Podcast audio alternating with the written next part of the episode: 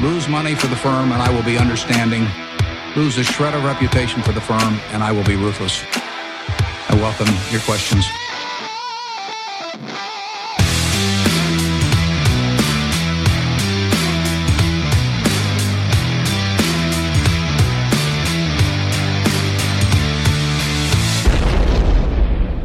Hej och hjärtligt välkomna till Kvalitetsaktiepodden. Det är jag som är Ola. Ja, och det är jag som är Klas och idag är jag bara 25 procent back faktiskt på min eventspec i Humana. Oj!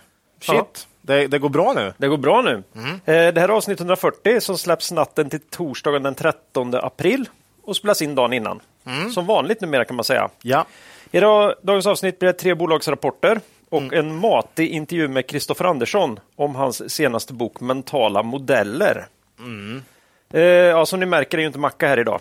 nej, det, han, han, han hann inte hit. Han hade nej. tid, ja, vi har ju märkt på mejlen vi har fått till podden. Marcus kanske har blivit lite väl populär bland lyssnarna va? Mm. I förhållande till de där två ursprungspoddarna som folk knappt kommer ihåg namnet på längre skulle jag vilja säga. Precis. Han tycker han fjäskar också ganska mycket Macke genom att svara på alla lyssnarmail och sådär. Ja, det är klart. Eh, skitfort då. Så inspirerad av säsongstarten av Robinson Mm. tog vi ett, eh, ja, enkelt, eh, ett öråd. Mm. Och han vart utröstad. Ja, Hepp. på den sista lappen läser jag. Ja. Nej. Nej. Det fanns en gnutta av sanning i det där med örådet. Och det är ju det här med Robinson va? Mm. De befinner sig ofta på någon väldigt sådär paradisisk ö. Det gör ju också Marcus Mm. Ja, nu det, är, det är för jävligt. Så minus då kan man väl säga. Mm. Att sova på lite hopräfsade grenar på någon, på någon strand med sandloppor och skit och äta grus och vad de nu gör i Robinson. Va? Mm. Ja. Plus på Marcus är ju jättefint hotell med en varm skön säng då va? Mm. Och god mat. Och, och, Kanske. dry- och dryck på det också. Ja, Whatsapp-flödet har ju indikerat detta kan man säga. Ja. Så vi önskar honom en härlig, härlig semester. Mm. Eh, och eh, ja, den Nej. är välförtjänt. Så det är bara du och jag idag. Det är bara du och jag idag. Mm. Det, är, det, det blir väl vad det blir. Eh, vi kommer ändå få höra Marcus Juvas stämma i intervjun med Kristoffer Ja, senare i podden. Det är ju tur för hans fans. Ja, och för oss också. Ja. För, för att hålla uppe lite kvalitet här då. Ja, om vi ska fortsätta på det här med eh, sol och semestertemat då. Mm. Så kan vi ju äntligen presentera våra fina exklusiva kapbadbyxor. Ja, det har ju många frågat efter sedan vi Begynnelsen. sedan begynnelsen, för vi har ju vårt eh, fina citat som vi alltid avslutar podden med. Va? Ja. Det är först när tidvattnet drar sig tillbaka som du får se vem som badat naken. Ja. Nu har vi ju kapbadbyxorna eh, som man aldrig egentligen badar naken. va? Nej, Vi har dock inget för den kvinnliga delen av befolkningen. va? jo, Har de vi det? funkar. Jag har beställt eh, många storlekar här eh, i, i den mindre, mindre sizen. Okej, också. så att det finns i, eh, Nej, det här är, det klassiska är unisex idag. Unisex, klassiska Ja, ja. badbyxor, men dock ingen bikini. Nej, så att säga. nej, Det, det vågar vi oss inte på. Nej, det kunde det- ha bara ha blivit fel. Ja. Det, här är, det här är ett samarbete med Decisive Beachwear. Mm, länk, länk finns i av- avsnittsbeskrivningen kan jag säga. Mm. Men om man känner sig riktigt turlig med bokstäverna så kan man ju försöka slå in det här själv då i sin webbläsare. Och då är det www.decisive-beachwear nej, .com kap. Okej. Då kommer man till våra badbrallor. Jag tänker att du ändå du lägger, lägger det i, i beskrivningen här. Det va? gör jag och man- man, behöver vara snabb här. Om man ska lägga vantarna på ett par, särskilt om man har någon preferens på storlek. Vi har, eh, det, har, det har nog de ja, flesta. ja, upplagan är begränsad här. Ja, jo, det är ju så. Ja. Eh, vi har eh, ju som försökt hitta en modell som tilltalar eh, lyssnare av alla kön och former. Ja. Så missa inte chansen att se bra ut på stranden i sommar. Då. Jag har precis haft med mig mina till eh, Miami. Eh, och de, Och de funkade även i de funkar vattnen. eh, utmärkt. Det är ju bra, för du var ju i västerled här. Mm. Och sen får vi se då när Macke kommer tillbaka och testat också i österled. Österled. Då kan, och jag, har ju, jag har ju testat dem på Kanarieöarna, lite mer i mitten. Ja, just det. De funkar i alla världsdelar Det- om Marcus nu kan om, om bekräfta. man nu kan bekräfta det. Ja. så vi, vi har det lite hängande. En, Gött. cliff, en cliffhanger. Kapbadbyxor. Kapad-byxor. Ja. Kommer komma upp på vår hemsida så småningom också. Eh, blir ju en länk där också då till... Mm. De har ju eh, givetvis det här citatet också Ja, på byxorna. ja, va? Eh, och så står det i kvalitetsaktiepodden. Va? Mm. Eh, Som en present kan man ju ge det också va? Eh, till någon som är gillar det här helt enkelt. Mm. Ja, det är toppen. Ja. Eh, Något som inte är toppen då, Jo, det... det- är ju Rysslands eh, vidriga krig i Ukraina. Mm. Vi uppmanar alla som har möjlighet att skicka ett bidrag eller bli månadsgivare till någon seriös hjälporganisation med verksamhet som stöttar Ukrainas hårt prövade och tappra folk. Mm. Ukraina vi ser och vi glömmer aldrig. Jaha, Ola, vad tar du med dig från veckorna som gått sen senast? Nej, men det har, nästan en vecka spenderar jag i USA här, så att det, får väl, det är ju det man har, har som största minne. Vi såg ju en hel del tennis på fritiden här, va? Ja, och eh, det var toppen. Bland annat världsettan på herrsidan Alcaraz. Då. Och vi såg eh, Medvedev också. Vi såg damfinalen. Bland annat. Eh, ja, är riktigt trevligt. Eh, annars så... eh, jag vet inte. Jag längtar ofta hem när jag är utomlands. Även om det, Det är kort-. Även om det är kortare perioder. Ja. Nej, men det är mycket bil i USA. Ja, det är ju det. Eh, Här hemma så är det ju inte fullt så mycket bil, utan man kan... eh, Det är tid till annat. Var ute och strosa i naturen med hunden och så. Typ ja. Mm. Ja. ja. Nej, men, så, eh, men mycket trevligt. Både jobb och lite eh, nöje. Tennis, tennisnöje. Ja. Du då? Ja då. Ja, det vart ju vinter här igen på något jävla Ja, sätt. det är och konstigt blött, då. jag skulle ju jobbat. Det gick ju inte, alltså ute i trädgården. Värdelöst. Så då istället så har jag kollat igenom säsong ett av fantasy-serien Wheel of Time Oj. på Amazon Prime. Och här blev jag glatt överraskad och kommer definitivt titta till även eh, nästa säsong som ska dyka upp här eh, det här året någon gång. Och här kände jag här, att- att Charlie Munger har ju så extremt rätt i sin sägning att grunden till ett lyckligt liv är låga förväntningar. Jag gick in i det här med riktigt låga förväntningar. Ja. Redan när det här kom så läste jag en hög på forum jag eh, rör mig i. Ri- riktigt eh, dåliga recensioner och folk var missnöjda och Ja. så här. Ja. Eh, jag läste ju den här boken för en 20-25 år sedan och tyckte, eller den här serien och tyckte det här, det här var ju bra. Va? det här gillar jag. Ja. Så då, jag kommer bara bli besviken, jag ska inte titta på det här. Så jag hade jättelåga förväntningar och upplevde nu då till min stora förvåning serien som riktigt bra och välgjord. ja. Ja, Härligt. Så du hade förväntat dig det här, he- vad heter den, Eh, Xena ja krigarbrott. eller, och möter Willow eller något sånt där. Liksom. Ja. Ja, alltså det får bli mitt binge-tips till lyssnarna nu när man får tråkigt eh, en regnig sommardag. Men då ska man komma ihåg att serien är riktigt, riktigt dålig innan ni börjar kolla. Det är jätteviktigt. Ja, ja, ja, Eh, några andra då som överraskar på uppsidan, oavsett vilka förväntningar man har. Vet du vilka det är? Jag tror det är Peter och Håkan på Kavaljer. Va? Man kan hoppa upp och sätta det på. Eh, idag har vi ju som vanligt med oss vår huvudsponsor Cavalier AB. Då. Och eh, idag eh, vill vi tipsa om en intressant artikel eh, på Placera som eh, tittat på vilka av aktiefonderna i Avanzas fondutbud, fondutbud som gått bäst på tre år. Och bland vinnarna bland alla aktiefonder finns två svenska småbolagsfonder, nämligen Cavalier Quality Focus som har gått upp eh, 141 procent Ja. och Spiltan Aktiefond Småland upp 132 procent. Ja, det är ju Ja. bek- bekanta fonder för de som lyssnar på den här eh, podden. Och det kan man jämföra med en bred svensk indexfond som är upp 56 procent. En fond med inriktning på de 30 största och mest omsatta bolagen på Stockholmsbörsen upp 62 procent. En svensk, in, svensk indexfond med, med fokus på små och medelstora bolag som klockar in på 68 procent. Ja, men det här är ju en matig artikel och den finns i sin helhet naturligtvis på Placera och jag kastar in en länk i avsnittsbeskrivningen. Snyggt. Kan man läsa lite mer där? Bra jobbat Kavaljer. Eh, kontaktuppgifter till H- Peter Håkan och mer information om Cavaliers fonder, övrig kapitalförvaltning, deras filosofi och inte minst en samling av alla mediaframträdanden och omnämnanden av Cavalier i media. Han börjar bli rätt flitig där nu, framförallt Peter. Då. hittar man ju på kavaljer.se. Där Ja. kan man också hitta de mycket informativa månadsbreven. Eh, investera i fonderna Cavalier Quality Focus och Cavaliers investmentbolagfond kan man göra både på Nordnet, Avanza och Saver. Och när vi pratar om fonder är det viktigt att komma ihåg att historisk avkastning i fonder inte behöver vara en indikator på framtida avkastning, att ni kan förlora delar av ert satsade kapital då fonder både kan gå upp och ner i värde. Tack säger vi till vår huvudsponsor Cavalier AB. Ja, vi vill också tacka vår äldsta samarbetspartner Börsdata. Ja, det är ju som sagt värdeinvesterarens eh, bästa vän. Mm. Har det hänt något nytt? Ja, det, det är att de är precis lika bra som vanligt och att vi snart har en eh, rapportsäsong som står Ah, för dörren. Ja. Och att som värdeinvesterare försöka ta sig igenom sån utan börsdata, Det, det är inte bara nästan farligt skulle jag vilja säga. Ja. Så är ni inte medlemmar, bli det. Ja. Det, det är väl så. Och då, då går man in på borsdata.se och så löser det sig. Tack säger vi till Börsdata. Innan vi går vidare i avsnittet vill vi påminna våra lyssnare om att aktieinvesteringar alltid innebär ett stort risktagande. Aktier kan både gå upp och ner i värde. Satsa därför aldrig kapital på aktier som du inte är beredd att förlora. Det vi säger på den ska aldrig betraktas som köp eller säljrekommendationer. Gör alltid en egen analys av bolagen innan eventuell handel. Jaha, aktuellt då?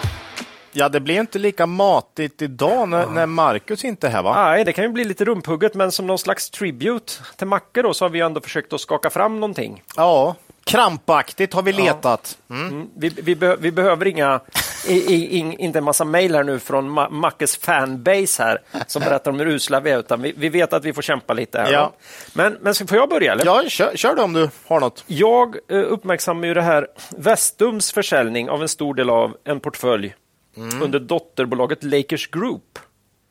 Eh, annonserades ju här. De kränger av då en stor del av det här förvärvet för eh, 330 miljoner för att lösa en obligation som de tog upp i samband med förvärvet.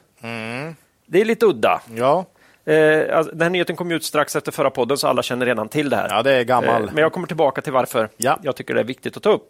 För det anmärkningsvärda här är ju att de, de här avyttrade bolagen utgör alltså den större delen av bolaget de köpte för ett och ett halvt år sedan. Ja. Det är ett och ett halvt år sedan.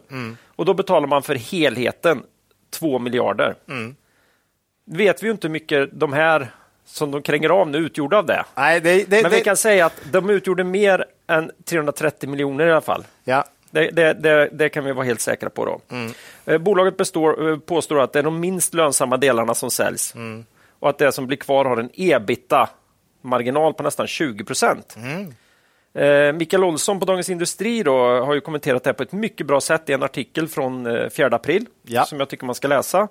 Och Då finns det ett spännande citat från den artikeln eh, eh, så, eh, som, som gäller då eh, Vestlunds påstående att avyttringen inte medför någon väsentlig resultatpåverkan. Eh, han skriver då citat Vestum meddelar även att avyttringen inte medför någon väsentlig resultatpåverkan.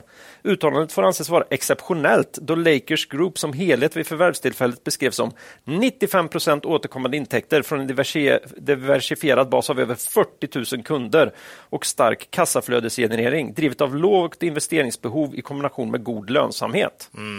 Att driva den bolagsgruppen med ett resultat som gör varken till eller från är företagsvärldens motsvarighet att hoppa från en båt och missa vattnet. Oh. Oh. Ja. ja. Fortsätter där. Antingen skönmålades verksamheten vid förvärvstillfä- förvärvstillfället eller så är Vestum usla på att driva de bolag som köps. Slutcitat. Du. Jag, jag, jag vill bara poängtera tids, eh, tiden här. Ja. Det var ett och ett halvt år sedan, eller vad stod det? Det är alltså slutet 2021. Ja. Det var crème de la crème på mycket då alltså. Det var verkligen peak-värdering på peak earnings. Då var Eh, det fullt blås. Då var det fullt blås. Så att jag, om jag bara får eh, gissa lite så betalar de lite mer än vad de borde ha gjort eh, just då. Det är bara en gissning. Men De, eh, de, det var inte så att man liksom hade eh, slagit ur handbromsen. Man hade monterat bort den och kastat bort den ja, helt och hållet. och så bara körde man. Va? Eh, Eh, ja, men varför tar jag då upp det här? eh, Förhoppningsvis kanske de kan rädda lite. Who knows? Nej, men det är Eh, väl- det, det kanske var det bästa läget utifrån nuvarande situation. Ja. Som de gör här nu. Ja, Men- självklart. Mm. Men eh, varför tar jag det upp det här under Aktuellt i en podd som handlar om värdeinvestering? Ja, det är en bra Mm. fråga, Claes. Men Jag tror inte ens vi tidigare ens har nämnt Vestum Nej. i något annat sammanhang. Jo, för när man är mitt inne i det här vansinnet som du precis berättade då för ett och ett halvt år sedan med nollräntor Mm. och en hås av väldigt unga bolag med otroligt aggressiva förvärvsagender. Mm. Antingen av bolag eller kan vara fastigheter också. Kan det ju vara. Mm. Eh, så tror jag få eller ingen som skulle kunna behöva lyssna på det här. Då lyssnar inte de. nej. Ja, aktien går rakt upp. Fom, det är FOMO överallt. Eh, De här karismatiska bolagsledarna behandlas som rockstjärnor av sina följare. Ja. Och tyvärr också ofta av branschpress. För de vet inte vilka som kommer komma ut som vinnare här. De vet att många av de riktigt stora, starka företagsgrupperna och företagsledarna vi har idag har tagit jädrigt höga risker en gång i tiden och kom undan med det. Ja, ja. Så därför är man lite rädd för att peka på det här. Nu, nu är det lite lättare, märker vi ju. ja. Eh, så, för vad är det som har hänt här då? Jo, det är ju att sen köpet av Lakers Group har Vestum-aktien tappat 65 procent av värdet.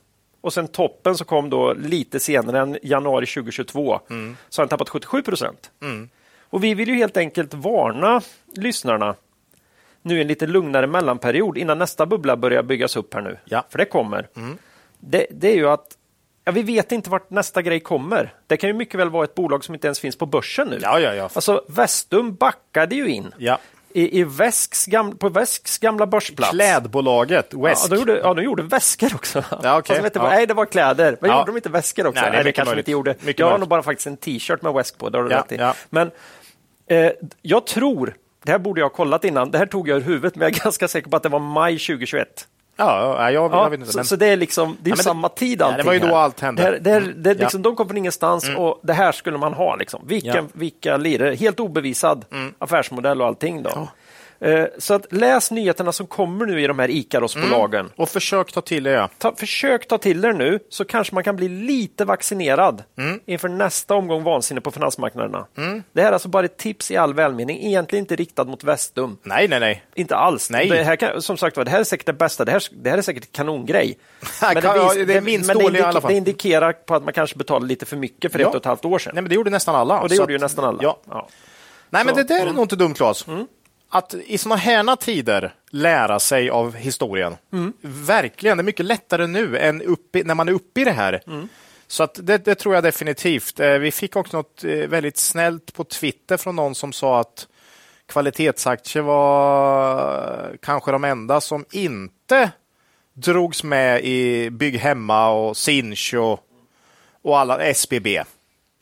Eh, samtidigt ska man veta att för många är det där väldigt, väldigt jobbigt. ja, och behöva sitta och titta på de där grejerna när de Alltså har iväg. man den här FOMO så är det jobbigt att se bolag dra iväg och så kanske man sätter in en slant även om man inte borde. Ja, om man tror att, eh, att hålla på med aktier är en eh, bli rik snabbt Ja, grej. precis. Vilket, vilket det kan ha varit för någon granne då som, eh, hamnade, som kom in i rätt tid i Bygg Hemma eller Ja. Sinch eller, eller någonting. Mm. Och jag lärde mig, kan jag säga, precis på det sättet att jag var med i en hås, lärde mig i kraschen.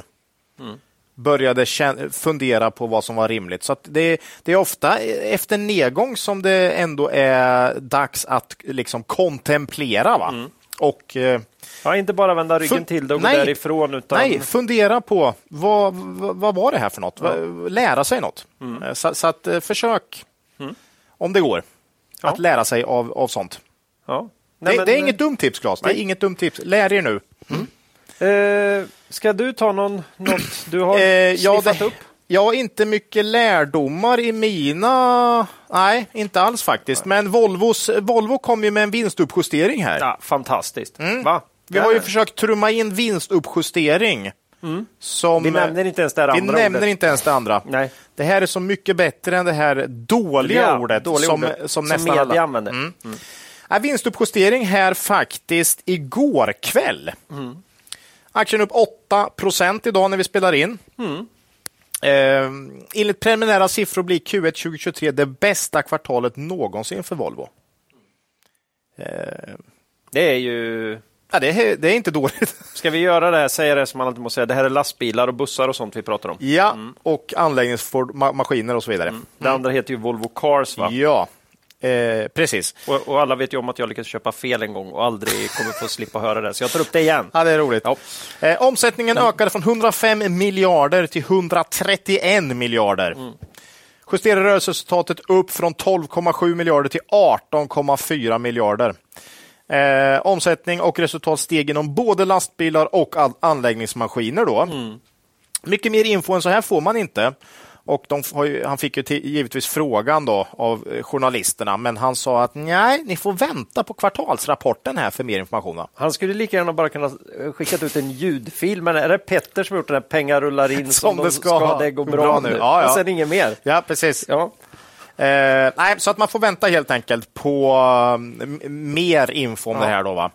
Eh, man kan säga att omsättning och resultat slog ju rejält de officiella prognoserna i alla fall. Eh, här har ju förmodligen många med oss suttit och väntat på en hel del vinstvarningar med Ja. tanke på konsumtionsproblematiken i, i, här hemma och så va? Ja, och alltså, även andra delar av Jag har världen. ju inte koll på lastbilarna, men bil, bilarna, det kommer vi återkomma till idag, här är ju ner eh, 10% nybilsförsäljning i alla fall i, Q, i Q1. Ja. Så att, eh, här tänkte man ju att det skulle göra lite ont. Ja, nej, precis. Inga vinstvarningar egentligen. Nej. Några få kanske, men det här var ju det största bolaget eh, som har gått ut och kommenterat och det är ju en vinstuppjustering här då. Eh, det här är ju lite svårt tycker jag att säga hur mycket som är kvarlev- kvarlevor från pandemin och leveransförseningar etc. Borde vara en del där tycker jag faktiskt. Slutkonsumenterna driver ju i slutändan som vi vet eh, ekonomin och slutkonsumenter handlar mindre så lär det ju bli svårt för för industribolag inom sinom tid. Ja, någon gång. Någon gång. Om det nu inte vänder innan. Innan. Är du med va? Mm. Nej, det, är, det är svårt det här. Det, det makro är ju svårt. Och det är därför vi inte brukar fokusera på det så, så mycket. Va? Men man funderar ändå på hur länge kan det gå? Liksom? Eh, ja, superbra från Volvo. Vi vet ju inget om framtiden, för de Nej. säger inget. Och Det här är alltid lurigt när det kommer vinstuppjustering. Eh, de säger om nuvarande kvartal, men ingenting om, om framtiden. Lex Hartman. Ja, eller... eh, Ja, just det. Men Hartman var det väl som var det tydligaste exemplet förra perioden. Alltså, vi vet ju ingenting här om nästa kvartal, Nej. så det får vi ju i rapporten. Så det skulle ju kunna bli en sån eh, motsatt reaktion då, om man säger att ja, visst, det var jättebra här, det vi sa. Fast vi har ja. negativ orderingång för resten av precis. året. Order, så att, så att vi, vi får se här. Eh, men ska man fundera på bärighet på andra bolag på Stockholmsbörsen här så ligger nog Scania-ägaren Traton bra till. Eller hur? Ja, Och även VBG eh, får man ju säga. Eh, och båda de här nämndes i, under press, i pressmeddelanden här idag som eh, just på det temat. Va? ja, när man kommenterade Ja, när man här kommenterar det här, eh, även, då skriver man att VBG var väl upp 5% och Traton också. Så att eh, marknaden tror väl att här finns det någon form av bärighet och det är ju inte konstigt för det är ju, det är ju en hel del likheter i, i vad gäller bransch. Då. Mm, definitivt. Eh, vi har ju pratat mycket VBG i den här podden och så sent som för två avsnitt sedan faktiskt. Ja, Eh, och där berättade vi att vi hade köpt mer aktier i VBG efter Q4 och eh, det är ju trevligt just idag. Då.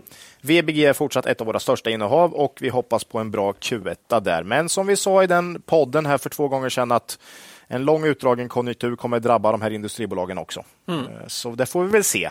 Men just nu går det faktiskt bra för de här bolagen som håller på med lastbilar och bussar. Eh, anläggningsfordon med mera. Så, mm. ja. Eh, som sagt var, vi... Det här med makro är uppenbarligen inte vår grej. Nej, det är inte vår grej. Nej. Nej. Eh, ja, Ska En- jag, ska jag skjuta emellan en? Ja, då, kör, då är det din tur. Sen har kort. jag, jag har bara en till sen här faktiskt. Därför att det här är vad folk nog förväntar sig då. Mhm. Vi funderar på att säga något om de senaste turerna i SAS-härvan. Mm. Men här inväntar vi Marcus återkomst för att kunna göra det här ämnet riktigt rättvisa kan jag säga. Ja. Eh, Jag trodde du tänkte säga så att han ska kunna åka hem med sitt SAS-flyg.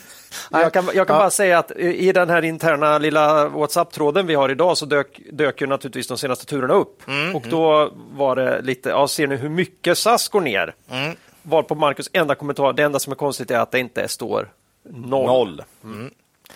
Ja, i ja, värde på de aktierna. Ja. Så han, han, får, han, får, han får ta och sammanfatta det där Ja. om, han, om han vill när han kommer tillbaka. Får se om det kommer i nästa podd då. Ja. Turerna i SAS. Men Jag, det, flög, det jag, Macke. jag flög ju SAS här och jag har sagt det flera gånger att jag gillar verkligen deras tjänstprodukt. Ja. Eh, Men, men Det vore eh, kul om du kunde göra det med vinst.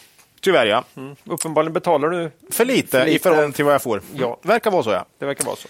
Eh, en sista nyhet här då. Eh, och Det är väl det som kom ut 5 april här att SPAC-bolaget APAC meddelade att man inte tänker förlänga den period man satt av för att hitta förvärv. Man hade ju 24 månader på sig, Ja, plus 12 månader om man nu. om man bad om det. Men man säger att nej, det är nog redan nu. Vi skiter i det här. Vi orkar inte leta, vi Nej. hittar inget.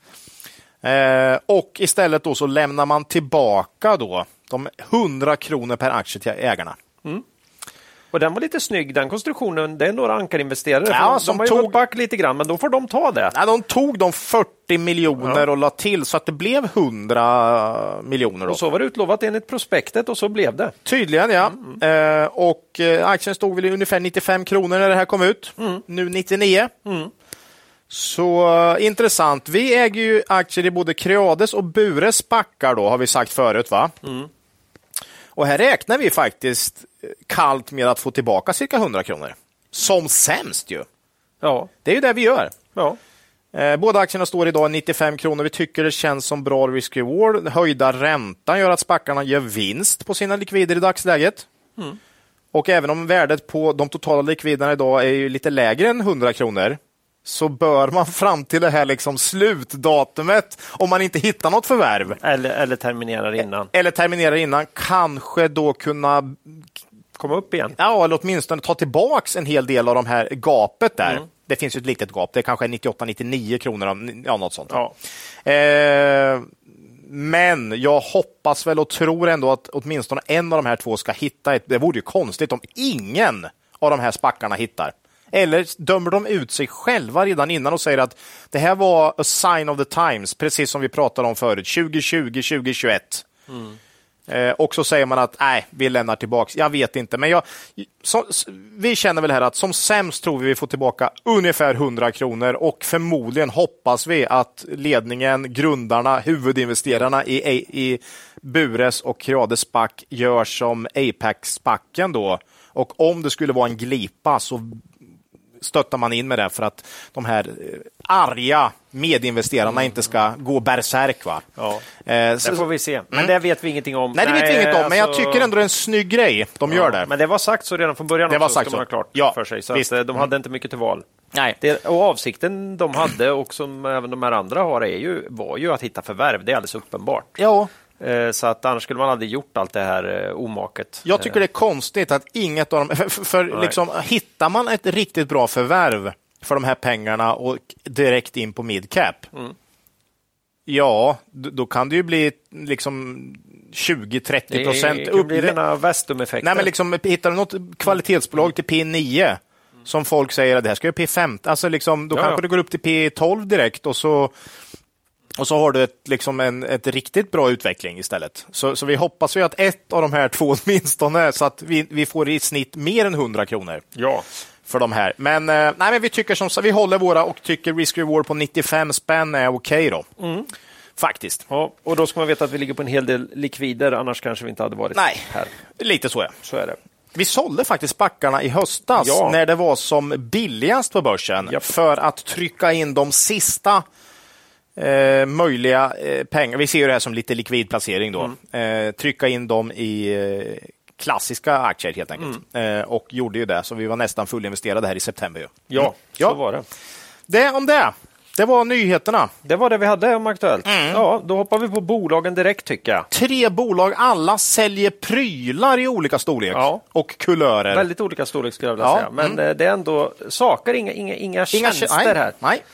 Även om nog många av de här bolagen försöker bli sådana att Ja. vi säljer väd- ett skydd mot vädret. Vi säljer eh, transport Ja, ja. och så. Va? Så är det ju ändå prylar vi pratar om här. Ja. Först Bilia. Bilia. Det var ett tag sedan va? Det var verkligen ett tag sedan, avsnitt 104. Mm. Eh, det är ju den här tidigare starkt Volvo-förknippade bilåterförsäljaren eh, som nu försöker att skaffa massor av nya ben att stå på. då. Eh, många lyssnare och så även vi har nog funderat lite grann runt Bilia på senare tid. De screenar bra på börsdata nu. Skaplig tillväxt, inte minst i vinst per aktie då, som haft en årlig tillväxt på häpnande 27,5 procent på tio år Oj. och nästan 30 procent på tre års sikt.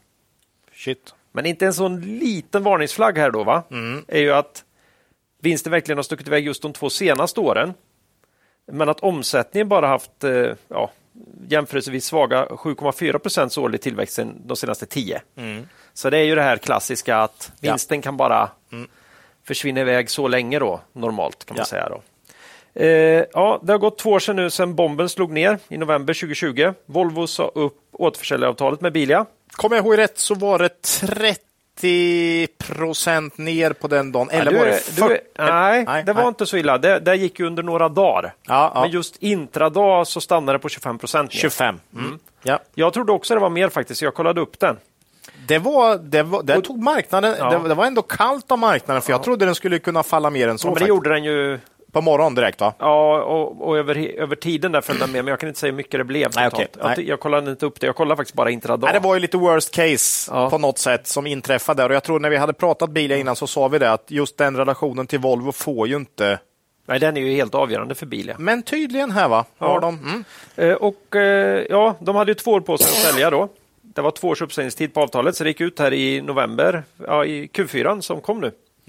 Eh, och ja, Volvo var Bilias, eh, fram tills nu då, Bilias viktigaste samarbetspartner. Eh, ja, det här har utlöst omfattande strukturaffärer då, under främst eh, senaste året eller åren. Eh, ja, 2022 har ju hänt hur mycket som helst. Man har köpt mycket bilhandlare va, runt om. Ja, alltså det jag kan rekommendera om man undrar lite är ju bara att ta upp Q4-rapporten och gå till årssammanställningen över eh, händelser under perioden. Förvärv jag tror den är på två eller tre sidor. För- Förvärv och för- avyttringar. Ja, Helt sinnessjukt. Ja, ja, det är mycket som händer i Bilia. För, för Jag har inte skrivit upp det, men om man summerar det där eh, lite grann så, så ska ju omsättningen Omsättningen förväntas ju gå ner lite grann. Man har liksom sålt av mer omsättning än vad man har eh, än vad man har fått tag i ny. Kanske en två miljarder eller något sånt här Ja. under, under senaste året. Men vad, vilken procent alltså in, intjäning det är på just de där miljarderna är ju Ledning, styrelse och ma ansvarig har ju verkligen fått eh, jobba här alltså. Ja, för det som hände här, Mm. det som gjorde att det här skulle blivit oändligt mycket större, om det inte vore så att man faktiskt har skrivit ett nytt återförsäljaravtal med Volvo i oktober 2021 redan. Mm. Ja, det gjorde man ju. Eh, Men då har man fått, ja, inte, kanske inte betydligt, alltså man har fått färre anläggningar. Eh, licens på färre Mm. bilhallar med Volvo i både Sverige och Norge. Man hade tidigare man fått lämna Osloområdet och så, och så vidare. Då, va? Och det har ju ökat behovet av de här strukturaffärerna och att skaffa sig flera ben och i det här fallet då fler bilmärken att vara nybilsförsäljare till. För det hänger ihop med den viktiga serviceaffären, men jag kommer tillbaka till det. Ja. Men- har, har, det, har det kommit fram något? Det, jag kommer ihåg det pratades om att det här var liksom Volvo tyckte att Bilia hade fått en för dominerande ställning va? och Mm. att de kanske hade för bra lönsamhet. Men det, det är inget som har kommit fram riktigt hur det var där va? Eller? Alltså de som... Det, om man ska lyssna på det ondsinta skvallret så var det mycket det Ja. att Tesla gick ut och skulle ju bara kränga via nätet typ. Och sen hade man ju Ah, ja, någon det. annan fick ta hand om deras, Ja, deras Just det. Mm. service och så skulle all, kostnaderna skulle ner, marginalerna skulle upp. Och Volvo skulle göra samma grej då. Liksom. Allting skulle krängas eh, färdigt via nätet och, och sådär. Och, och istället så fick vi ju den här riktigt, riktigt heta leasingtrenden då på grund av om möjligt ännu lägre räntor och Ja. elbilsavdrag och allt möjligt sånt jox. Så, att, så jag vet inte, det kan ha varit en fel Grej av liten Volvo. felgrej och sen när man, när man ska göra om så nyttjar man väl Mm. ändå sin dominanta ställning här gentemot Bilia till att få ett bättre avtal kanske. jag Mm, Ja, vet ja. inte. Om inte annat, de kände kanske att värsta caset är att man får förhandla till sig ett lite bättre avtal, Volvo. Ja, nu känner jag att, att, att jag, jag är- utgör gubb, Jo, jag vet. är jag Nej, men- gubb, nej, men det- gubb, gubbgissningspodden. här. Jo, men det, fin- Eh, det finns liksom inget, det, det har inte kommit fram något så här var det, utan eh, det, men, men eh, mm. Annars, annars kan man ju se det som att vi säger upp här och sen in, mindre än ett år senare så skrivs det ett nytt avtal. Det här var ett förhandlingsspel. Ja. Man, man hade aldrig, men, men så som Bilia agerade och gick ut och kommunicerade så kändes det ändå som att de visste inte. Nej, De visste inte hur det skulle bli med Volvo. nej, nej. Det, det är min känsla. Nej, det, Ja. precis. Mm. Och, Ja, och man har ju, det här är inte så länge sedan, men man har ju haft en enorm frenesi här i, i, Ja. i, i de här strukturaffärerna. Så i dagsläget har Bilia, och det här har man ju, vissa av de här märkena finns ju bara på en enskild Mm. återförsäljare. Eh, De sista jag tar upp här tror jag bara finns i Norrköping nu till exempel, där man har köpt en av de större hallarna och som blivit Bilia. Men vi, vi tar dem då. Innan så hade man nog tre eller fyra märken där det nästan bara var Volvo egentligen. Mm. Idag har man alltså nybilsförsäljning av Volvo igen då, BMW, Toyota, Lexus, Mercedes, Mini, Renault, Dacia, Alpine, Porsche, Nissan, Jaguar, Land Rover, Volkswagen, Audi, Skoda, Seat och Cupra. ja. Och den allra mest eh, spännande, den här anonyma kinesiska elbilen från Xpeng. har du sett någon Xpeng någon nej, gång? det har jag inte gjort. Nej. Nej. Nej, får se vad, om, det, om det börjar rulla ut några sådana. Det har nog försenats verkar det som. Det kanske ska dyka upp några sådana här i, i, i dagarna. Intressant. Det är ju, Vi brukar ju prata om eh, riskspridning, så, så det har man ju verkligen. Verkligen. Mm. Och de går ju från ett stort beroende av Volvo till, ett betydligt, till en betydligt mer diversifierad portfölj av bilmärken. Mm. Omsättningen har ju alltså legat kvar rullande runt 35 miljarder. Eh, men då kompenserades en del av det här tappet som uppenbart kommer från avyttringarna eh, med en mycket god elbilsförsäljning under sista kvartalet här, alltså Q4 förra året. Då. Eh, och det här trots en riktigt tuff ekonomisk situation för kunderna. Och då är det ju tyvärr inte så att det var extremt lyckade annonskampanjer eller skickliga säljare hos Bilia då, som gjorde att det till och med bildades kö vissa dagar av febriga köpare som var beredda att skriva på nästan vilket köpavtal som helst. då. Mm. Det var ju den nya svenska regeringen här som sta- satte stopp för klimatbonusen den 9 november. Ja. Så hade du inte innan, innan midnatt där eh, satt, satt en kråka och fått klart med ett avtal, då blev väl en vilken elbil som helst 70 000 dyrare. eller? Oj, rusning till bilhallen Ja, alltså. Mm. så det, det, det, det heter ju klimatbonus har ju i allt väsentligt varit ett elbils eller hybrid elbilsstöd. Då. Ja. Eh, nybilsförsäljning är alltså upp 29 procent i Q4 för Bilia. Men det var ner 4 procent för, för begagnat. På grund, och då hävdar man ju att det är på grund av det tuffa konjunkturläget. Ja. Och då kan man tänka sig nybilsförsäljningen skulle nog varit ner mer om inte klimatbonusen slopats. Lite rädsla för Q1 och vidare här då, Det kan man tycka. Här har det dock inte kommit någon vinstvarning. Nej. Nu, är, nu är vi 12 april här då. Ja, Eller så är kanske marknaden redan eh, med på noterna här. ja det är, men, ja, det är spännande. Eh, eh, för eh, Viktigt att komma ihåg då när det gäller Bilia och deras eh, branschkollegor, det är att den viktigaste omsättningen i bolagen inte kommer från bilförsäljningen, utan från den betydligt mer luttraktiva serviceaffären. Då. Är det inte det klassiska 80-20 här va? Ja, ja är det, 20 procent av omsättningen står för 80 procent av... Nej, inte riktigt så mycket kanske. oh, men då. nästan, nästan, så. så. är det. Det är kanske inte riktigt. Säg att Nej. det är 70-30. då. Jag klarar inte av att ta de här Du har nästan ingen marginal på, på nybilsförsäljningen. Jag, åter, men, ja. jag, återkommer till det Okej. manus. Ja. Nej, men, eh, nej, men alltså, grejen är att jag tror att, säg att det var 8 miljarder i serviceaffär och 35 miljarder totalt i omsättning förra året för Mm. Okej. Bilia. Då. Ja, ja, jag, ja. Jag, jag klarar inte av att ta det i huvudet nu, men Nej. det blir inte... Nej. Det blir lite... Ja, men säg 20. Vi, nästan. ja. Eh, för, för den omsatte då, för helåret 2020 omsatte den 8 eh, och eh, totalomsättningen var 35. Ja. Men eh, rörelsemarginalen här då, Mm. runt 15 procent.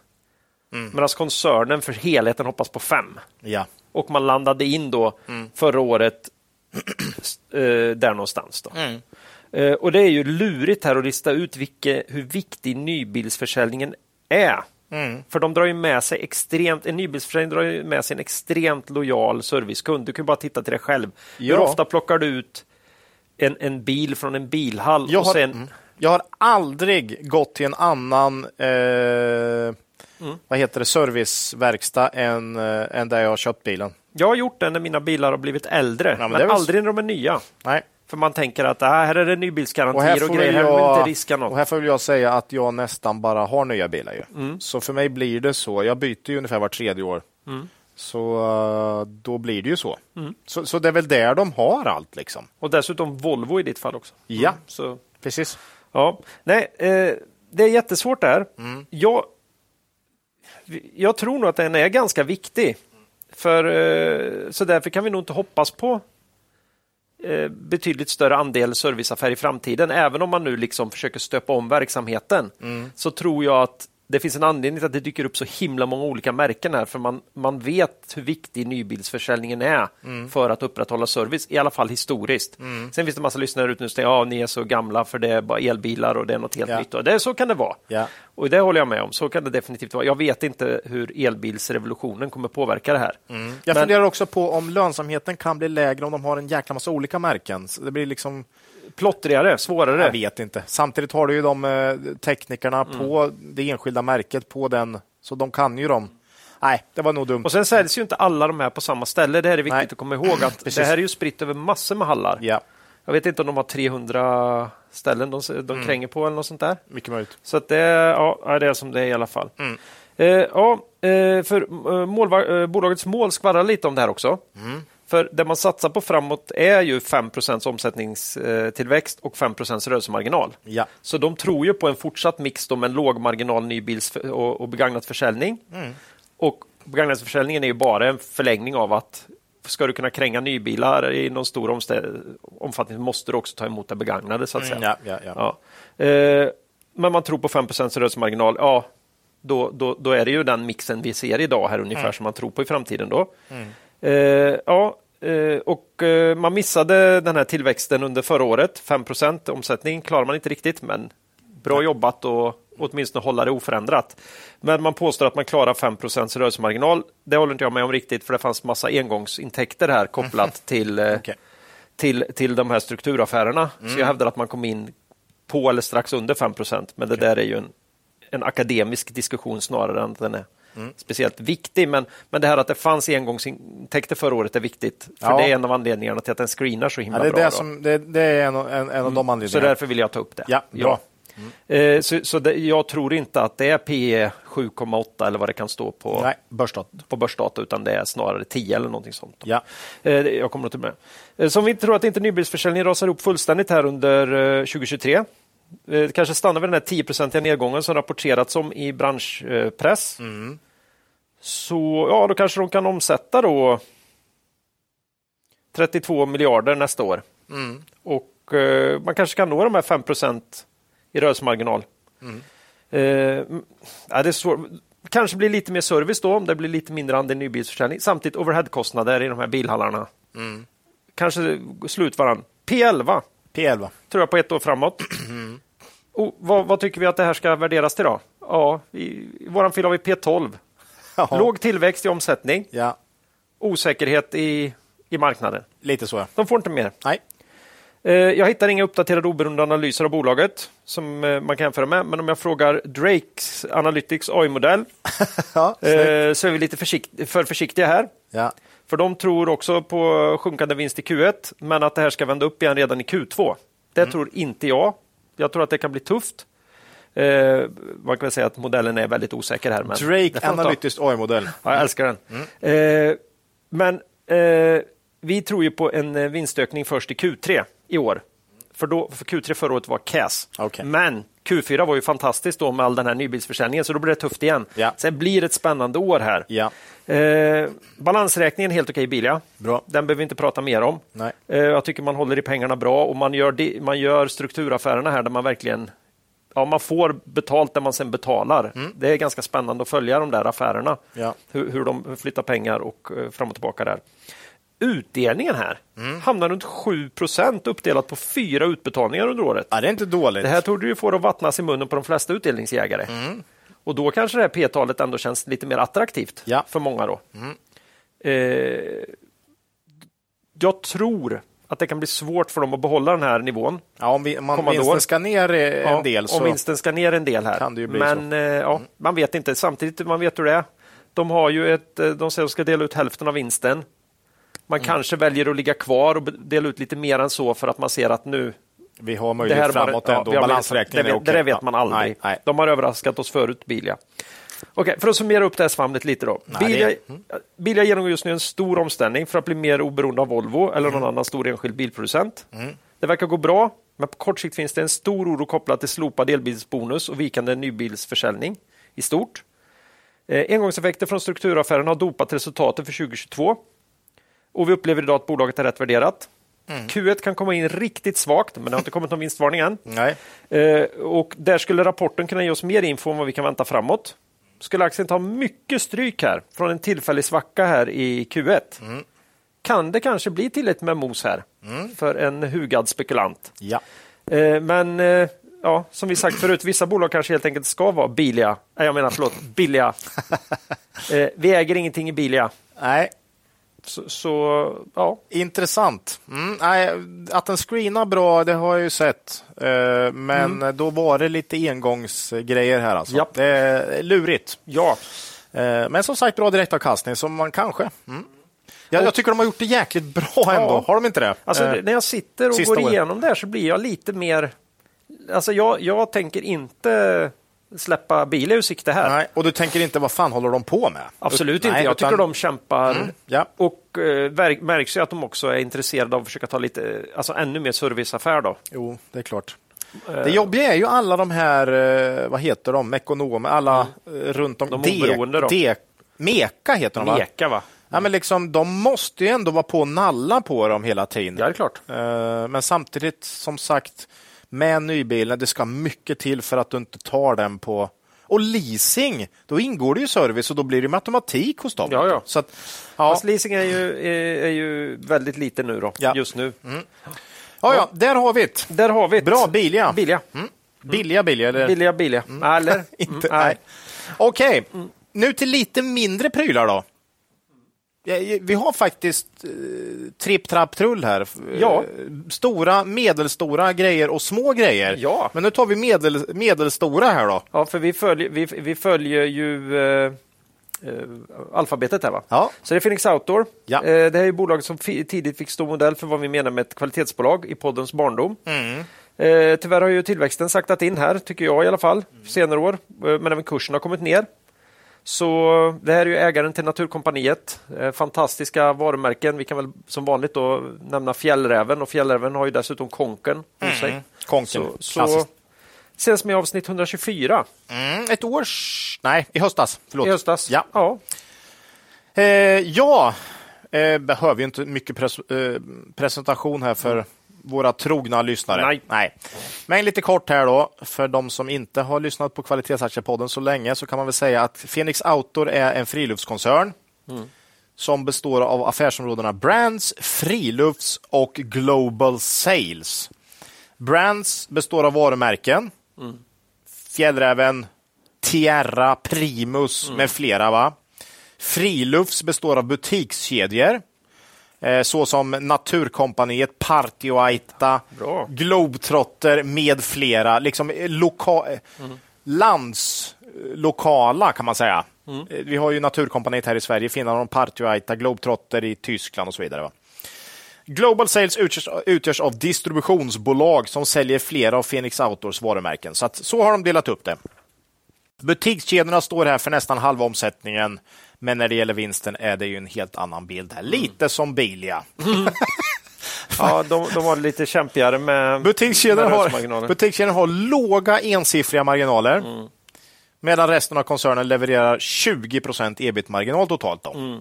Över, förlåt, över 20 procent. Japp. Så Global Sales och eh, Brands tillsammans har ju då över 20 procent ebit-marginal. Där Brands har högst och Global Sales ligger lite under 20 tror jag. Eh, samtidigt som man kommer ihåg här, Fenix har också påpekat det att de ser det här som en viktig del eh, med butikskedjorna, för de kränger ju ändå Ja, ja. prylarna till kunderna. va? ja, men det blir ju lite billig, billiga liknelsen igen. Det Lite ena så. är lite beroende av det andra. Lite så. Eh, geografiskt då, Tysklands största marknad är 34 procent av omsättningen 2022.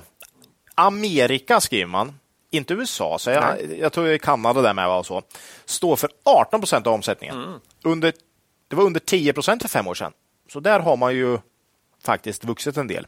Ja, och man har lyckats behålla det där, för man tänkte Mm. ju att det var mycket där. Fjällräven, liksom jackorna fick ju någon riktig jädra svung där. Ja, fram, och sen Konken. Och sen Konken Ja. blev ju, det var ju liksom rena Konken-affärer Ja. på Femte Avenyn och här sjuka Här grejer. tror jag nästan att man får göra en liten pudel, eller vad säger man? Jag trodde det var en fluga, men nu har det ändå gått ett par år sedan den här riktiga, du vet, Sa Sa vad heter han, Zuckerberg och Ja, Han- han, han- skickade iväg sin lilla till, dotter till ja, ja. preschool och så var det ju liksom en konkenrygga. konk... Ja, då tänkte jag, nej nu, Nu. nu är det peak, är det peak. peak Phoenix. Och, men, och eh, du såg eh, brittiska kungahuset gick omkring i Ja, fjällräven ja, jackor nej, då kände nu är det, nu är det slut på det. Eh, Men nej, det är, USA har vuxit på här, så att nej, de har säkert, de, fick, de skrev ju själva om att visst, eh, ryggsäckar har tappat en viss del något år efter det där. Mm. Det gjorde de ju liksom när, när man såg, men resten har täckt upp liksom och det tappar inte så mycket ändå, Nej. utan det ligger kvar med en bra försäljning. Så att USA har verkligen varit tillväxtmotorn. Norden fortfarande 26 procent. Sverige hälften av dem ungefär. Övriga Europa 16 procent. Eh, och övriga marknader då eh, 6 procent. Så inte så mycket utanför, inte så mycket utanför eh, Europa och USA kan man säga. Starka varumärken och butikskedjor som inte direkt konkurrerar med pris får man ju säga. Det här är ju ingen lågpris ingen lågprisaktör. Ja, och det, det är inte så att du går dit på rean, för den finns nej, inte. Nej, den finns inte. Nej. Eh, Jag har sagt det flera gånger, men jag ringde ju upp Mart, före, före detta vd, numera ordförande. Då. Det var säkert tio år sedan. Mm. Eh, För jag var orolig för lagret då. Som investerare ägde ju Phoenix Auto då och frågade om det var liksom rea nu då på gång. Och då sa han surt att vi har aldrig reat förut och kommer inte göra det nu heller. För han hävdar ju då att en, den här dunjackan kan vi sälja nästa år med. Ja. Eh, Det blir vinter nästa år med, det är tidlösa grejer. Konken har sett ut likadant sedan 70-talet. Ja. Varför ska vi rea ut den? Så att eh, där fick jag svar på tal. Han var inte otrevlig på något sätt, men, väl, men liksom. väldigt tydlig. "Vad, vänta nu, är det en ny modell? Ni har inga av de gamla eller? Jag har ja, inga- kan du betala lite extra? Ja, ja, ja, ja. Eh, nej, men det här är ett... eh, Inte pris, ingen realisation, bra marknadsposition, starka varumärken. Dessutom då, den finansiella historiken är lång och fin. Eh, där de senaste fem åren, lite du var inne på, har varit svagare. Eh, och här tycker jag nog, liksom, om man ska ha en sak här, en huvudfråga som man bör ställa sig som investerare är om Fenix idag är ett bolag där man kan räkna med den historiska tillväxten på cirka 15 till 20 procent per år. Alltså som det var fram till 2017-18. Eller om de här sista fem åren är det nya. Eh, Kan, har man svaret på den frågan, då... Du får gärna ringa mig då. Eh, Det, det får man gärna göra, för, för den är nyckeln här tycker jag. En viktig grej är ju att Phoenix har ju vuxit ganska mycket. Ja, Så att det blir ju alltid svårare att växa Ja. när man redan är lite större så att säga. precis. Senaste fem åren, 8 procent omsä- omsättningstillväxt i snitt. Och då, in, som innan 15 till 20 då va? Eh, det blir ju såklart en hisklig skillnad på motiverat PE om man växer med 18 procent eller 8. Eller hur? Ja. Eh, både 21 och 22 är man uppe dock på 15 till 20.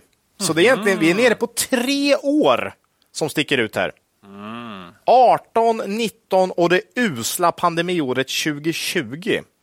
Ja, det här är, en, det är ingen lätt nöt det här, kan jag säga. Ehm, Nej, fy. Mm. Vad lönsamheten då, så är man lite under historisk lönsamhet.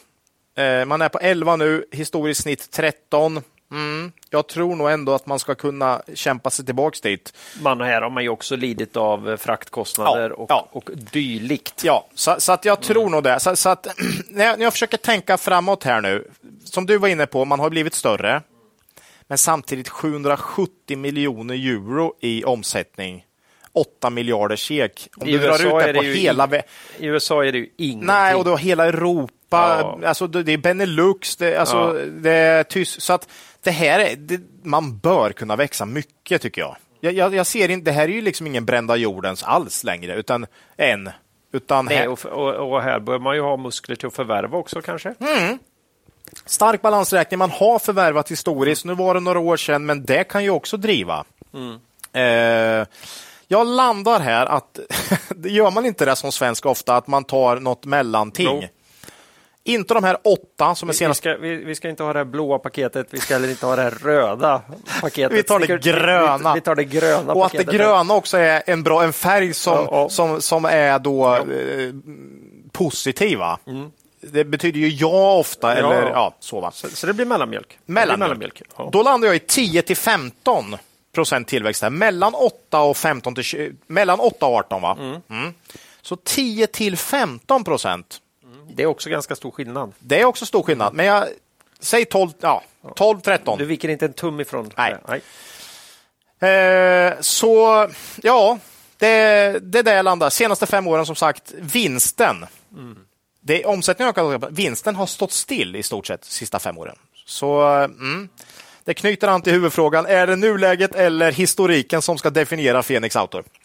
Eh, tror man på 10-15 tillväxt då, som jag ändå är inne på här, så bör det motivera P 17-18. Eh, tyvärr då exakt som aktien värderas i dagsläget. Ja, det kunde man ju ge sig på. Ja, eh, så här är marknaden väldigt inne på samma, samma tanke som jag är då, får man säga. Eh, det här är i och för sig på 2022 års vinst. Nu, nu tror inte jag på någon jättestark vinsttillväxt 2023 här. Nej. Eh, Så jag vågar liksom inte riktigt säga att PE kanske bara är 15-16 här. För det är lite svårt eh, om man nu inte drämmer till med ett förvärv. Eh, vi, vi pratar ju Drake och AI här. Ja. De är lite inne på min, min tes här, eh, AI-botten. Tror att vinsten ska ner i Fenix både Q1 och Q2 nämligen. Ja. Och det är jag lite inne på, så att där är vi överens, människa och maskin. Så att Ja, säga. Mm. Eh, nej, men jag, jag har lite svårt att se någon stark vinsttillväxt för Fenix 2023. Mm. Då ska den komma andra halvåret i så fall. Ja, det blir inte nu. Nej, så Q3, Q4 skulle man kunna öka. Q4 bör man nästan kunna öka faktiskt, för den var inte jättesvår eh, att jämföra med. Direktavkastningen 1,7 procent, så inte något för de här utdelningsjägarna direkt. Då. Har vi andra tips Eh, nej, men summera det här då. Vad man tror om framtida tillväxt, det är väl så det är i alla bolag i och för sig, men här är det på något sätt en nuläget det som är den rättvisa bilden, alltså de senaste fem åren, eller är den riktigt långa historiken det som det är rätt för Fenix. Vi landar i något mellanting och då känns aktien hyggligt rimligt värderat i dagsläget. Vi gillar ju Fenix. Det är svårt att inte gilla Fenix. Det finns ju så mycket fin historik, bra lönsamhet, bra ägare, eh, bra balansräkning, bra varumärken. Det här finns med i två av våra buy and hold-portföljer. Eh, vi gillar det. Vi har dock svårt att hitta den här mos. Det finns ingen mos för oss. Nej. Margin of safety då i dagsläget. Eh, så eh, nej, vi, vi landar i att det är, den är hyggligt rätt värderad i dagsläget. Och att vi inte äger några aktier i Phoenix Auto för närvarande. Då. Ja, jag har lite pensionen då. Ja, det är ju nog inte dumt. Som ett sånt case. Vi har ju också som sagt med i två buy and hold-portföljer här. Ja. Äg och behåll. Jag kommer inte ihåg om vi hade det senast. Jag är ganska säker på att jag faktiskt sålde av. De var ju uppe på någon slags fullständigt Ja. molnfri höjd där. Det var ju en galen värdering Kommer där inte ihåg om de var uppe i, ja, men det var 1200 eller något sånt där. Nu är vi 880 tror jag. Jag tror det var högre. Vet det var En kanske ännu högre. Det var helt sjukt. Jo, men Eh, mycket- men jag, men jag Ja. har köpt tillbaka sen dess. Men jag vet inte om jag hade köpt tillbaka eh, sen när vi pratade om dem senast. Nej, Så är det. Nej, men Det- de här ska man ha. Ja, men det är ett Mm. fint bolag, bra bolag. Förvärv är en liten joker här. Mm. Drämmer man till med det så kan det bli intress- riktigt intressant. Det är väl dags kan jag tycka. Tycker jag med. Eh, Det var Fenix. Ska vi gå över till de riktigt, nej, riktigt, Riktigt, små. riktigt men så. Det går att små- köpa. Där hittar du små prylar. Ja, det gör det. Små produkter då. Eh, Vi får åka till Danmark för att hitta de här små produkterna. ja. Eh, Det här är ett bolag som jag trodde, har varit med, som jag trodde hade varit med betydligt, eh, betydligt nyare avsnitt än varit. Om Matas. Det här är ju apotek möter hälsokostbutik i Danmark. ja. Eh, har de något som kan stilla de här börsnerverna inför rapportperioden, Ola? Det har de, det har de garanterat, har de tror jag. garanterat, ja. Ja. Och 89 alltså. Avsnitt 89. Ja, det är nästan exakt två år Första april, ett aprilskämt för två år sedan var det här. Första april för två år sedan. Ja, det verkar vara så. Ja, det känns svårt, men jag kan inte hitta att vi har haft dem. Nej, men, eh, som du var inne på, då, eh, lite apotek, hälsokost, eh, men mycket är ju faktiskt skönhet. Deras egen slogan är ju Health and Beauty for Life. Fast på danska, men det kan vi inte uttala. Health and Beauty. ja, nej, så är det inte. Health and Beauty for Life. va? Japp. High-end beauty är deras första, ena affärsområde. Då. Det är luxury beauty products, including cosmetics, skincare and haircare products and eh, fragrances. Okej. Har hållit emot väldigt bra faktiskt i eh, senaste årets lite tuffare klimat. Eh, andra affärsområdet är mass beauty, mer eh, everyday skriver man, everyday beauty products and personal care. Eh, och det är ju kosmetika och eh, olika krämer, hårprodukter. Eh, så alltså beauty, skönhetsprodukter är en stor del här. Inget snack. Sen har du health and well-being. Där har du ju mediciner, vitaminer, mineraler, eh, mat, eh, sport, nutrition och sånt där. Va? Eh, mother and child skriver man, personal care och sådär. Så eh, ja, jag vet inte. Apoteken i Sverige är ju också, det är Ja, inte det som är det ju- Det är var. ju hitåt det har gått sen avregleringen. Ja, det är inte som det var på Nej. 80. De som var med och gick till apoteket på 80-talet så var ju det mer en känsla av sjukhus. Förstår du? Ja, men du vet hur det var på Systembolaget på den tiden? Ja, men det var ju den. Man satt på stolar runt om i lokalen och väntade på sitt könummer. Va? Ja, allt var bakom disk. Va? Allt var bakom disk. Så, så nej, det här är ju så det har blivit. va? Mer. Och, du, och du kom fram jag skulle vilja ha en ask Alvedon. Det tror jag inte. Ja. Ja. Nej, men så det här är då deras tre huvudområden. Då. Ja. Försäljningen sker via butiker och online. 75 procent är fysisk försäljning. 260 butiker runt om i Danmark. 25 procent online. Det är ändå ganska mycket och här har man den marknadsledande online eh, handeln i Danmark för just health and beauty. Man är dessutom nummer två, alltså matas.dk är den näst mest besökta online-shoppen i Danmark. Det här minns jag att vi pratade lite om förra varvet. Mm. Och eh, då, då hade jag nog kanske tänkt att de skulle backa lite grann efter pandemin här. Ja, Men det verkar ju hålla i. Det Du! verkar som att de har en kund, ett kundsegment som har hittat till dem på nätet här. och online, först, de, har ju brutit räkenskapsår här. Mm, Så Q3 har ju de precis online upp 10 procent. Och många, och du vet ju vad som har hänt online efter pandemin. och Mm. Ja, så det där. är fullständig Så katastrof. h- det här är produkter folk gillar att köpa online. Ja, liksom. Och jag tror att det är mycket återkommande köp. Ja. Du har köpt den här krämen, du vet att du ska ha samma kräm igen. Varför ska jag gå till... Ja, precis. Eh, så så det, är, det är en stor del online här faktiskt. Eh, total omsättningstillväxt första tre kvartalen här bara 2 dock. Och här ska man veta att Matas har ju ingen jättetillväxt över tid. Eh, Ebitda-marginalen är ner något i år jämfört med året innan, men ebit är upp på grund av lägre avskrivningar faktiskt. Vinst per aktie har ökat med 11 procent under de första nio månaderna. Det är ett vettigt år för Matas, tycker jag, trots utmaningar i omvärlden. Och Det här visar på stabiliteten och styrkan, tycker jag, i Matas affär. Det här är ganska konjunkturokänsligt ändå. Eh, både skönhet, skönhet tycker men det är, det är ändå något som är oerhört väsentligt för människan. Liksom. Eh, Ja, och där hade vi väl eh, den här effekten som vi har pratat om, så jag hela tiden glömmer bort, eh, lipstick-effekten så att säga. Att Skulle det bli så att man börjar få lite mer knapert i kassan, ja, jag kan inte köpa den där handväskan jag vill ha. Ja, nu, det här blir ju, det låter ju inte alls bra, det borde ju vara ett killexempel. Ja, men jag har inte, ja, men det är ju därför det lip, nu blir jag lurad av ett lipstick-effekt. Ja. Men jag kan köpa mig ett fint läppstift i alla fall. Ja, men eh, det kanske är sam, eh, samma för killar, men då kanske det inte är just hit vi går. Nej. Eh, För skönhetsprodukter köps ju till stor Ja. utsträckning fortfarande av, av tjejer. Så är det ju. ja. Eh, Så att, eh, nej, men har du inte råd att köpa den här lite större kapitalvaran, då köper du en mindre och de har Matas. Eller Matas. Ja, Matas. Matas, ja. Och grejen är den att high-end beauty, alltså luxury, har inte, alltså det är tillväxt där med. Så att du, även, man kunde tänka att mass beauty hade gått, men nej. Det går liksom bra, alla ökar. Eh, historiken här då. Oerhört fin stabilitet, men låg tillväxt. Stabil och fin, men låg. Vi snackar medelsiff 4 till 5 procent omsättningstillväxt per år. Och kollar man bolagets långsiktiga finansiella mål sattes 2021 då med liksom fem års tidshorisont. Kollar man på dem så indikerar också det cirka 5 procent årlig omsättningstillväxt. Men de har inte fått någon kick nu av inflationen här. Utan, Nej, de fick en kick under pandemin. Ja. Definitivt. Och sen kanske den inte har fallit tillbaka Nej. som den borde. Då, men, det, men det kan ju ha skyddats av inflationen. Så, mm. Ja.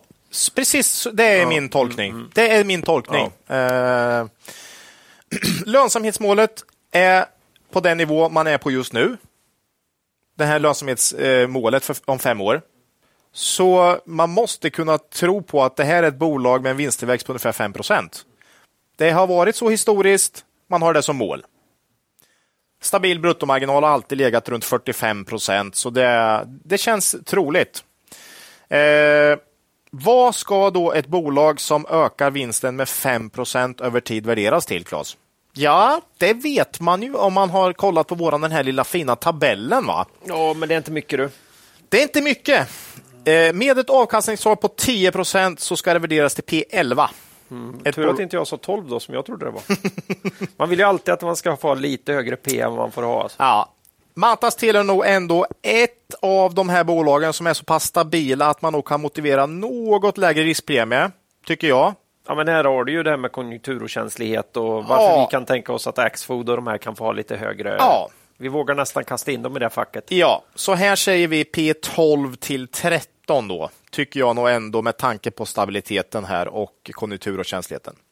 Sett över 10 år har också aktien värderats till ganska exakt P13. Marknaden är med här, va? Dock ganska sjukt högt vissa år. Och nere på 8-9 PE som lägst. Så man ska ju det här Mr Market och använda, utnyttja svängningarna. Ja, Oerhört viktigt. Eh, sett på senaste fyra kvartalets vinst så är den ganska exakt 8 danska kronor i vinst per aktie.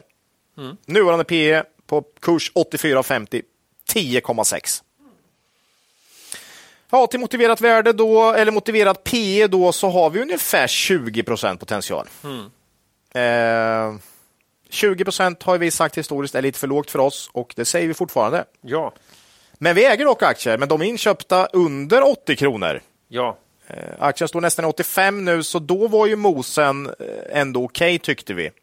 Och det där har vi frågat, ja men när säljer ni då? då? Ni kan, Precis. Nej, man kan ju inte sälja när den går under. Man kan se det som en hästritt här. Vi sätter oss upp på hästen här vid ja, mos. På, på mos 27 procent. Ja, eller 30 vill ja, vi väl kanske ja, ha. Ja. Sen så hoppas vi få rida iväg då mot solnedgången här. Ja, ja. Men, men vi vet ju som alla andra att vi kommer aldrig nå den här solnedgången. Nej. Men när vi börjar känna att nu börjar det bli riktigt varmt här. Ja. Någonstans där det mm. kanske har 10 procent mos kvar. Eller? Ja, fem eller? Fem, oh, ja, men då, då börjar vi skala oss ur. Ja, precis. Och, och eh, vi kommer vara helt ur innan vi når eh, vårt eh, tänkta riktiga värde så att säga. Ja, då det, det sista kvar. säljer vi då. Ja, ja eller vi har det. Nästan det, alltid ja, innan. Ja. Då har vi nästan alltid sålt. Ja. För man vet aldrig när likvid, likviditeten finns där. Och så. Nej, men det här är ett bra exempel på det. Mm. Det vill säga, just nu, just nu skulle vi inte köpa. Nej.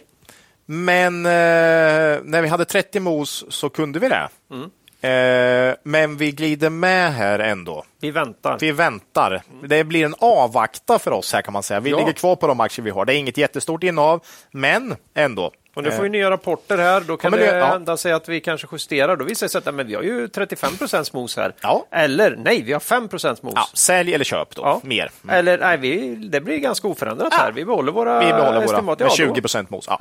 Då rider vi glatt vidare. Ja, mm. det är lite bra här exempel på hur vi kan agera. Mm. mm. Eh, man har brutit räkenskapsår, som jag sa, bara ett kvartal kvar här nu. Med den guidance man gjort för räkenskapsåret så vet man ju då vad de tror om, mm. om sista kvartalet Definitivt. och det är ungefär oförändrad vinst. Mm. Matas är ju inget bolag med någon dramatik historiskt. Nej. Skulle jag säga, vilket också är det som ändå är lite skönt. Va? Mm.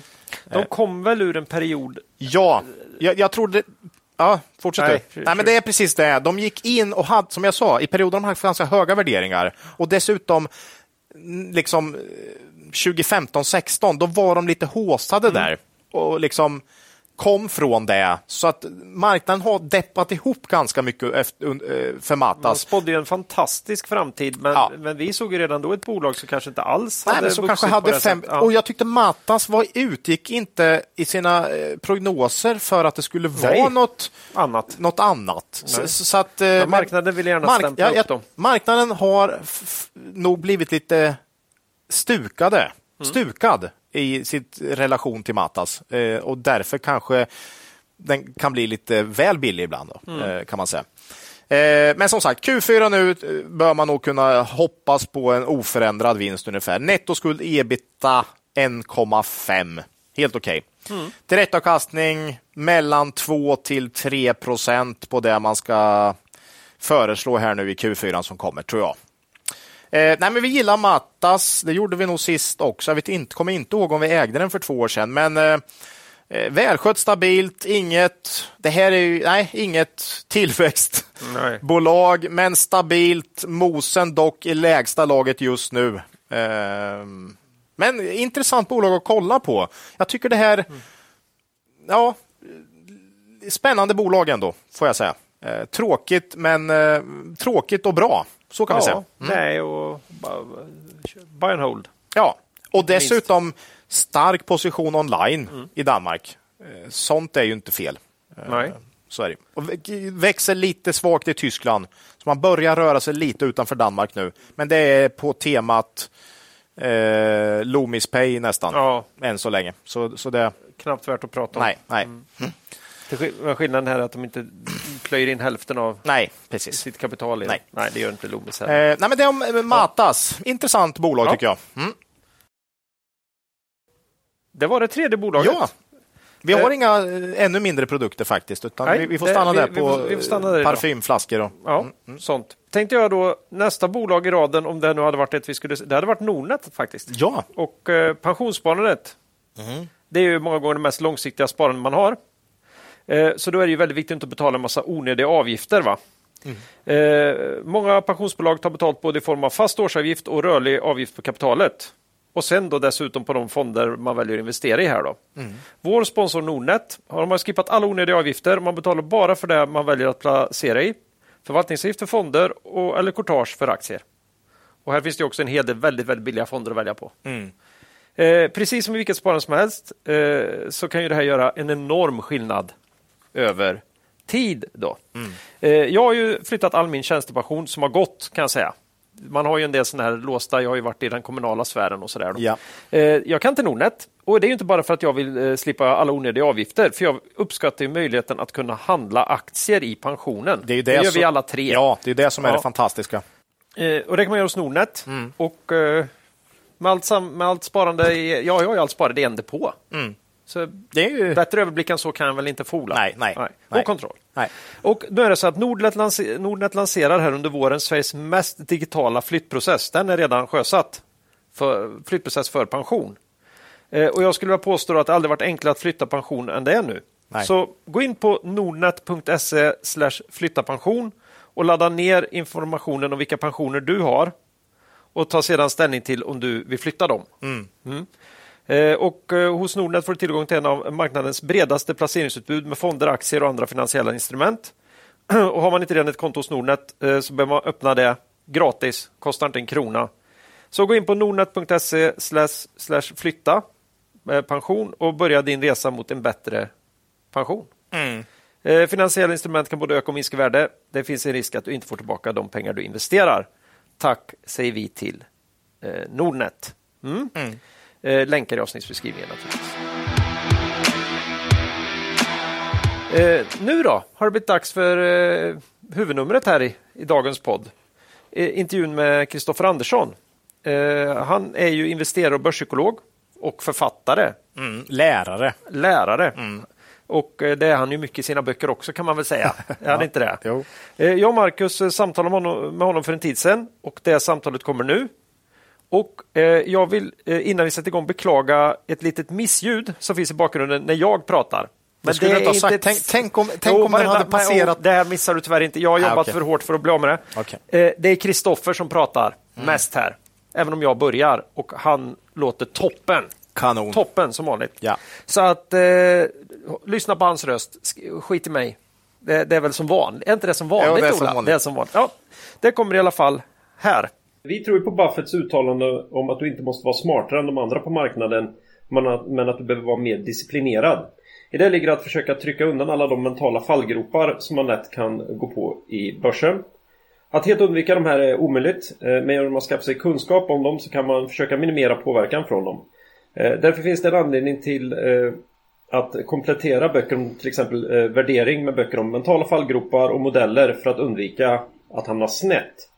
Eh, Och det för oss in på Kristoffers böcker. Han har tidigare släppt två böcker om börspsykologi och är nu aktuell med sin senaste bok i ämnet som heter Mentala modeller. Välkommen till podden Kristoffer! Tack så jättemycket.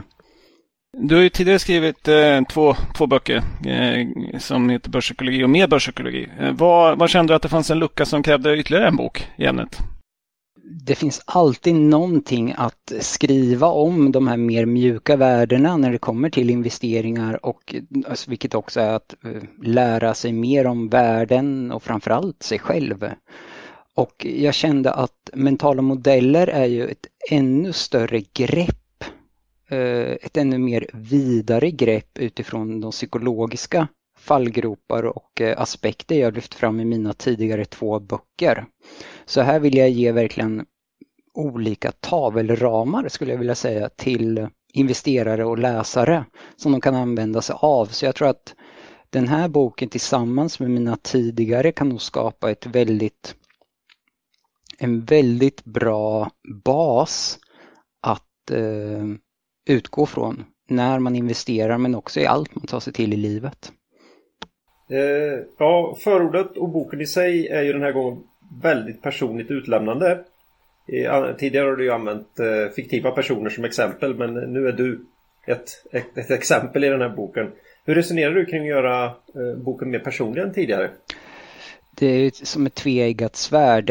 Eh, hur mycket vill man outa sig själv och hur mycket vill man hålla inne på? Jag har lärt mig den hårda vägen att genom att vara öppen, eh, transparent, sen får man ju välja i vilken grad man vill vara öppen och transparent, men är någonting jag lärt mig den hårda vägen så är det att eh, berätta hur du har det, berätta hur det har gått, berätta hur du mår. För att annars kommer du inte kunna få den hjälp och den energi som du behöver för att ta igenom den kris eller den problematik du är inne i.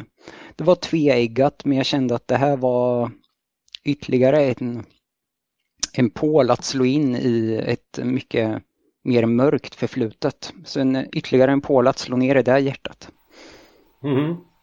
Ja, eh, för i boken här nu då så kopplar du de här mentala modellerna eh, till stora personliga utmaningar du haft i livet kopplat till din vilja att styra över din kropp och hälsa då på ett eh, ja, väldigt ohälsosamt och farligt sätt.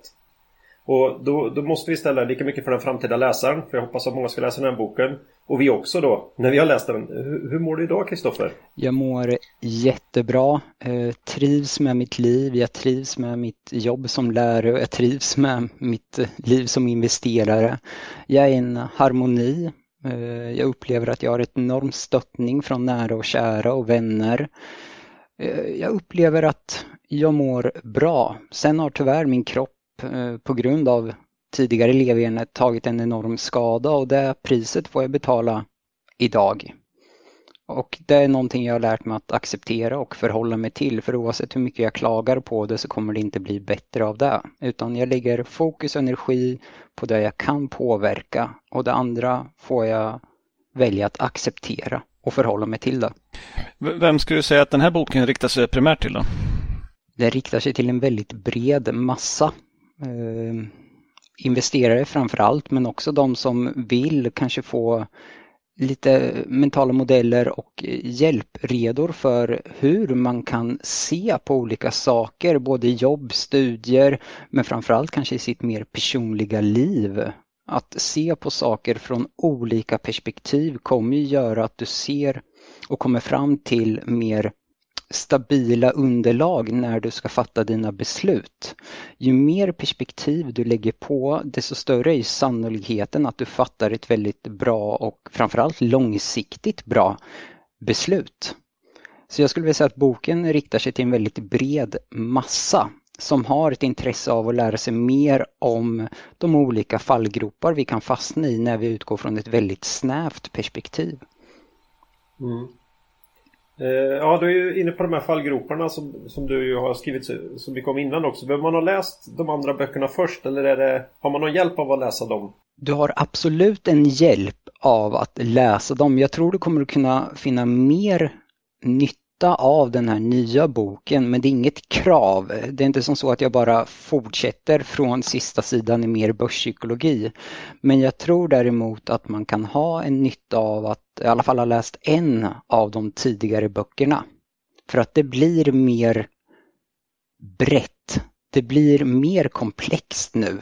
Om än att jag verkligen har fokuserat som vanligt på att vara väldigt pedagogisk och ta små, små steg hela tiden framåt i avancemanget i boken. Här känner väl jag att eh, det är mer avancerade koncept i, i, i den här boken än i de tidigare. I de tidigare har du haft de här exemplen som varit väldigt pedagogiska och bra. Så jag, jag tycker det är jättebra om man, om man börjar med någon av de andra och eh, fattar tycke för det här och sen hoppar över i den här så att säga. Jag tror jag är en bra, bra gång, gång där. Eh, hur, ett, ett viktigt koncept både i de, i de gamla böckerna och eh, i de tidigare böckerna och den här är ju berättelser. Varför är berättelser så viktiga? Det är ju någonting som Erik Springkorn och jag skriver om i våran gemensamma bok Livet, börsen, mm. allting när vi fick äran att gästa er för nästan exakt ett år sedan.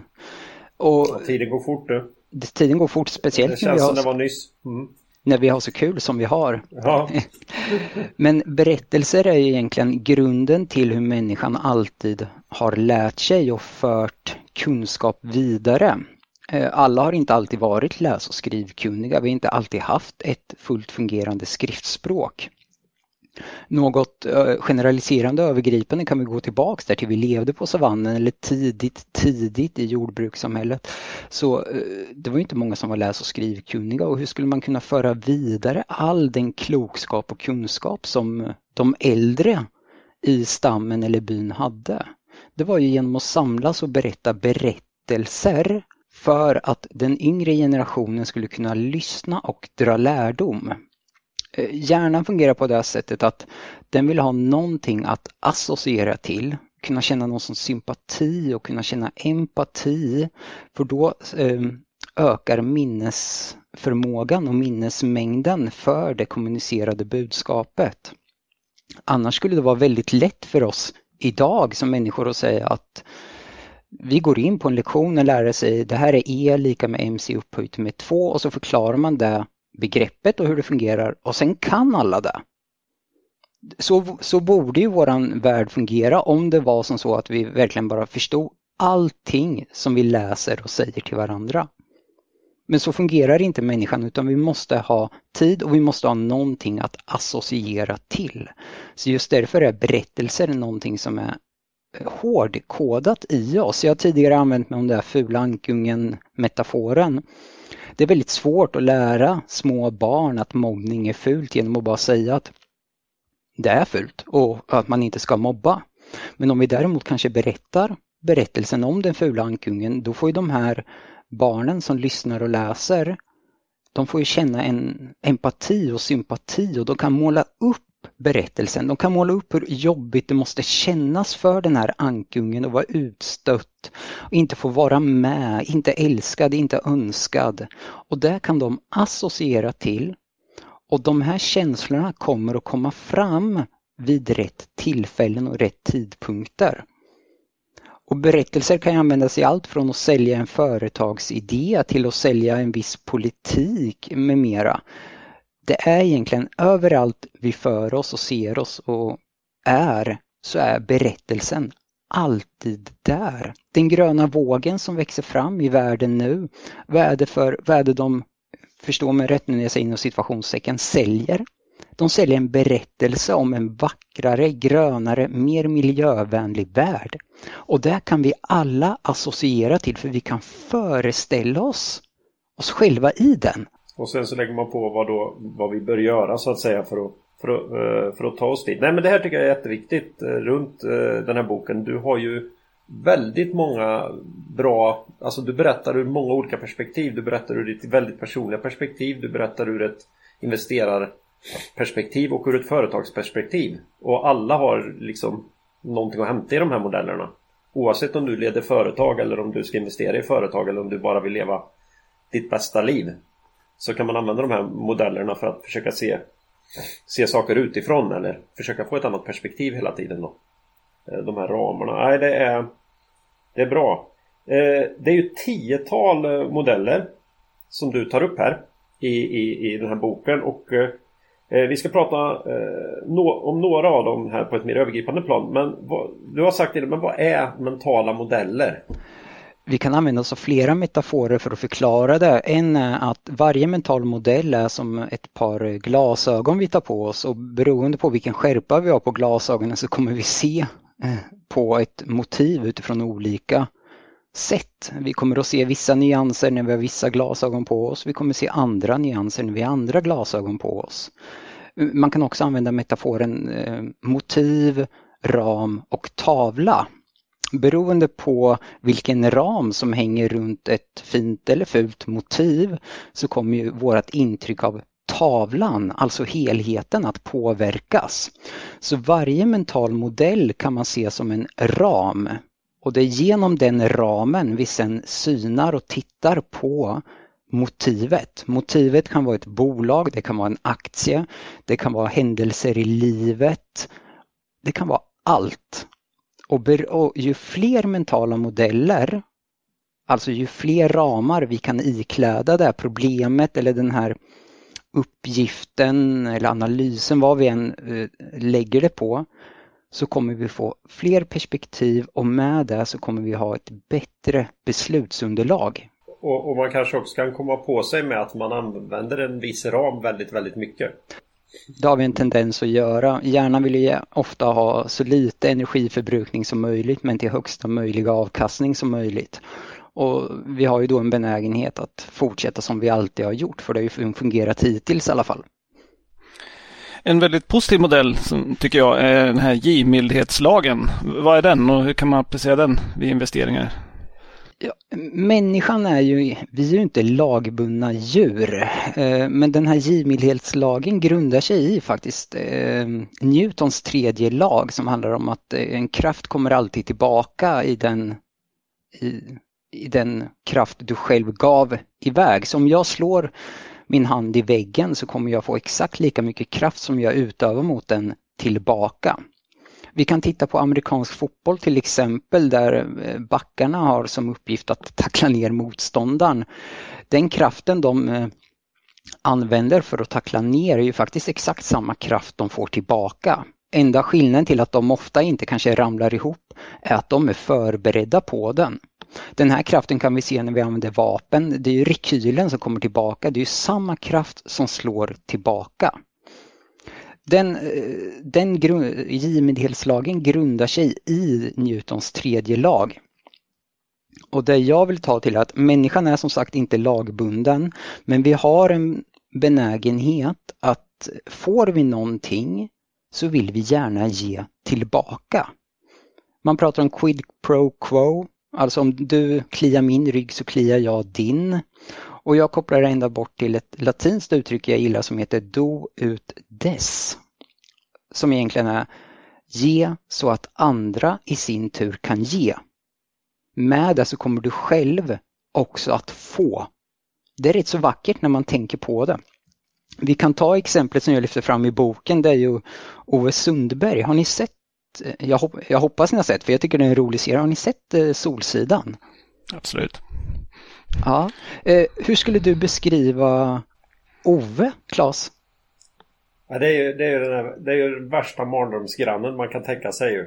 Varför? Han är ju, han är ju fruktansvärt jobbig. Nej men det är ju, han, han, han tar ju alltid, han ger ju aldrig liksom. Nej, och om vi då leker med tanken här nu att Marcus, han är Fredde. Mm. Och eh, Marcus, kommer du att vilja ge och låna ut saker till Klas här som aldrig lånar ut till dig och egentligen aldrig lämnar tillbaka heller. Klas som bara hela tiden ska ha och ha och ha. Nej, det, det är osannolikt. Väldigt osannolikt. Och i långa loppet så kommer ju Klas att bli mer och mer ensam. I långa loppet, eller hur? För ingen kommer ju vilja vara med honom. Han ger ju aldrig, han bara tar och tar och tar. Mm. Mm. Nu, nu, blev det lite otäckt. Känns som vi kom lite nära verkligheten här i våra relationer. Eh, men, men jag tror poäng, poängen, poängen går fram. Ja, Nej men en sån människa gillar man ju inte. Nej, men tänk då. Eh, och vad är det vi alla vill när vi investerar, men också som människor? Vi vill utvecklas. Och för att utvecklas, för att uppnå högre avkastning i aktieportföljen, för att bli bättre investerare, för att förbättra vår analysprocess, för att hela tiden kunna ta ett steg framåt så kommer vi att öka sannolikheten för det genom att själva ge, alltså berätta om våra case, berätta om våra analys, analysprocesser, berätta hur vi investerar. Berätta det för andra de kommer att dra lärdom eller inte. De kanske kommer att se att det här är fel och berätta att tänk på det här. Men de kommer att utvecklas och kommer i någon gång i framtiden att ge tillbaka till dig. Ni är tre stycken som jobbar här på Kvalitetsaktiepodden. Ni tillsammans skapar ju en process som hela tiden utvecklas förhoppningsvis och vad jag uppfattar i podd och hur det går för er att mot det positiva. Men det är ju också för att ni ger varandra era perspektiv. Ni ger varandra era åsikter. Det är inte som så att ni sitter på varsitt skrivbord och försöker dölja era anteckningar och dölja vad ni tycker och tänker utan ni öppnar dörren. Och just därför är folk benägna att ge er saker för att all klokskap ni sprider i podden det får ju ni också tillbaka med kommentarer, mejl, ni får nya perspektiv, vi ger varandra och tillsammans kommer vi alltså att utvecklas. Det var, lite därför, det var lite därför jag tog upp den som ett exempel, för vi känner ju att vi, vi, vi, vi, vi bjuder på rätt mycket case och sådär, men, men vi får tillbaka en massa bra, bra feedback från, från, från lyssnare och så vidare, och investerarkollegor och sånt på grund av det så att säga. Så vi tycker att den här funkar i praktiken så att säga. Ja. Eh, nej men eh, när vi stöter och blöter saker, det, jag, jag tänkte jag skulle hoppa in på ett konstaterande du gör i boken här. Som inte är direkt kopplat kanske just till givmildhetslagen utan mer vad man kan prata med andra investerare om. Och eh, du går in på det här med P-tal och PEG-tal. Det här är ju en känslig fråga i kvalitetsaktiepodden här. När du, när du pratar om att har man ett bolag som värderas till P15 och som växer vinsten med genomsnitt 5% per år. Eh, kan, ju, kan ju det vara okej okay, men det kan ju vara precis lika okej okay då att ta ett bolag som värderas till P25. Och det kanske växer sin vinst med 20% per år. Eh, och där är jag fortfarande med, men undrar är det ändå, sätter du en gräns någonstans eller skulle du kunna tänka dig att ta eh, P50 på 40% tillväxt också? Eh, då får man ju koppla till the rule of 40 va? ja. jag, ehm, jag ser mig själv som mer värdeinvesterare och precis som ni så är jag inte så positiv till att investera i bolag som värderas så högt men absolut är tillväxten också är väldigt snabb, stark och kraftig. Men det känns som att det finns så mycket som måste gå rätt då och jag vill hellre ha fokus på nedsidan och försöka att i det längsta minimera den. För då kommer jag allt annat lika i långa loppet att få ta del av uppsidan. Så istället för att fokusera på den potentiella möjliga avkastningen så försöker jag eh, fokusera eh, hur stor är risken att jag förlorar mina surt förvärvade pengar på den här investeringen?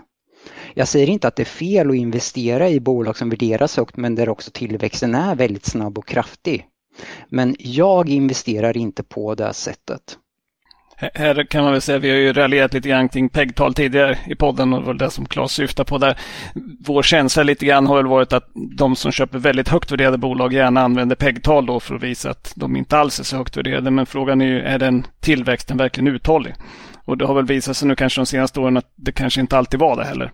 Um, Min koppling till givmildhetslagen är väl att är det någonting vi har försökt förmedla så är det ju det här med var, alltså, att, att ha förväntan på väldigt hög tillväxt i bolag under väldigt många år framåt. Ja, jag ser också att tillväxten är 40% nu.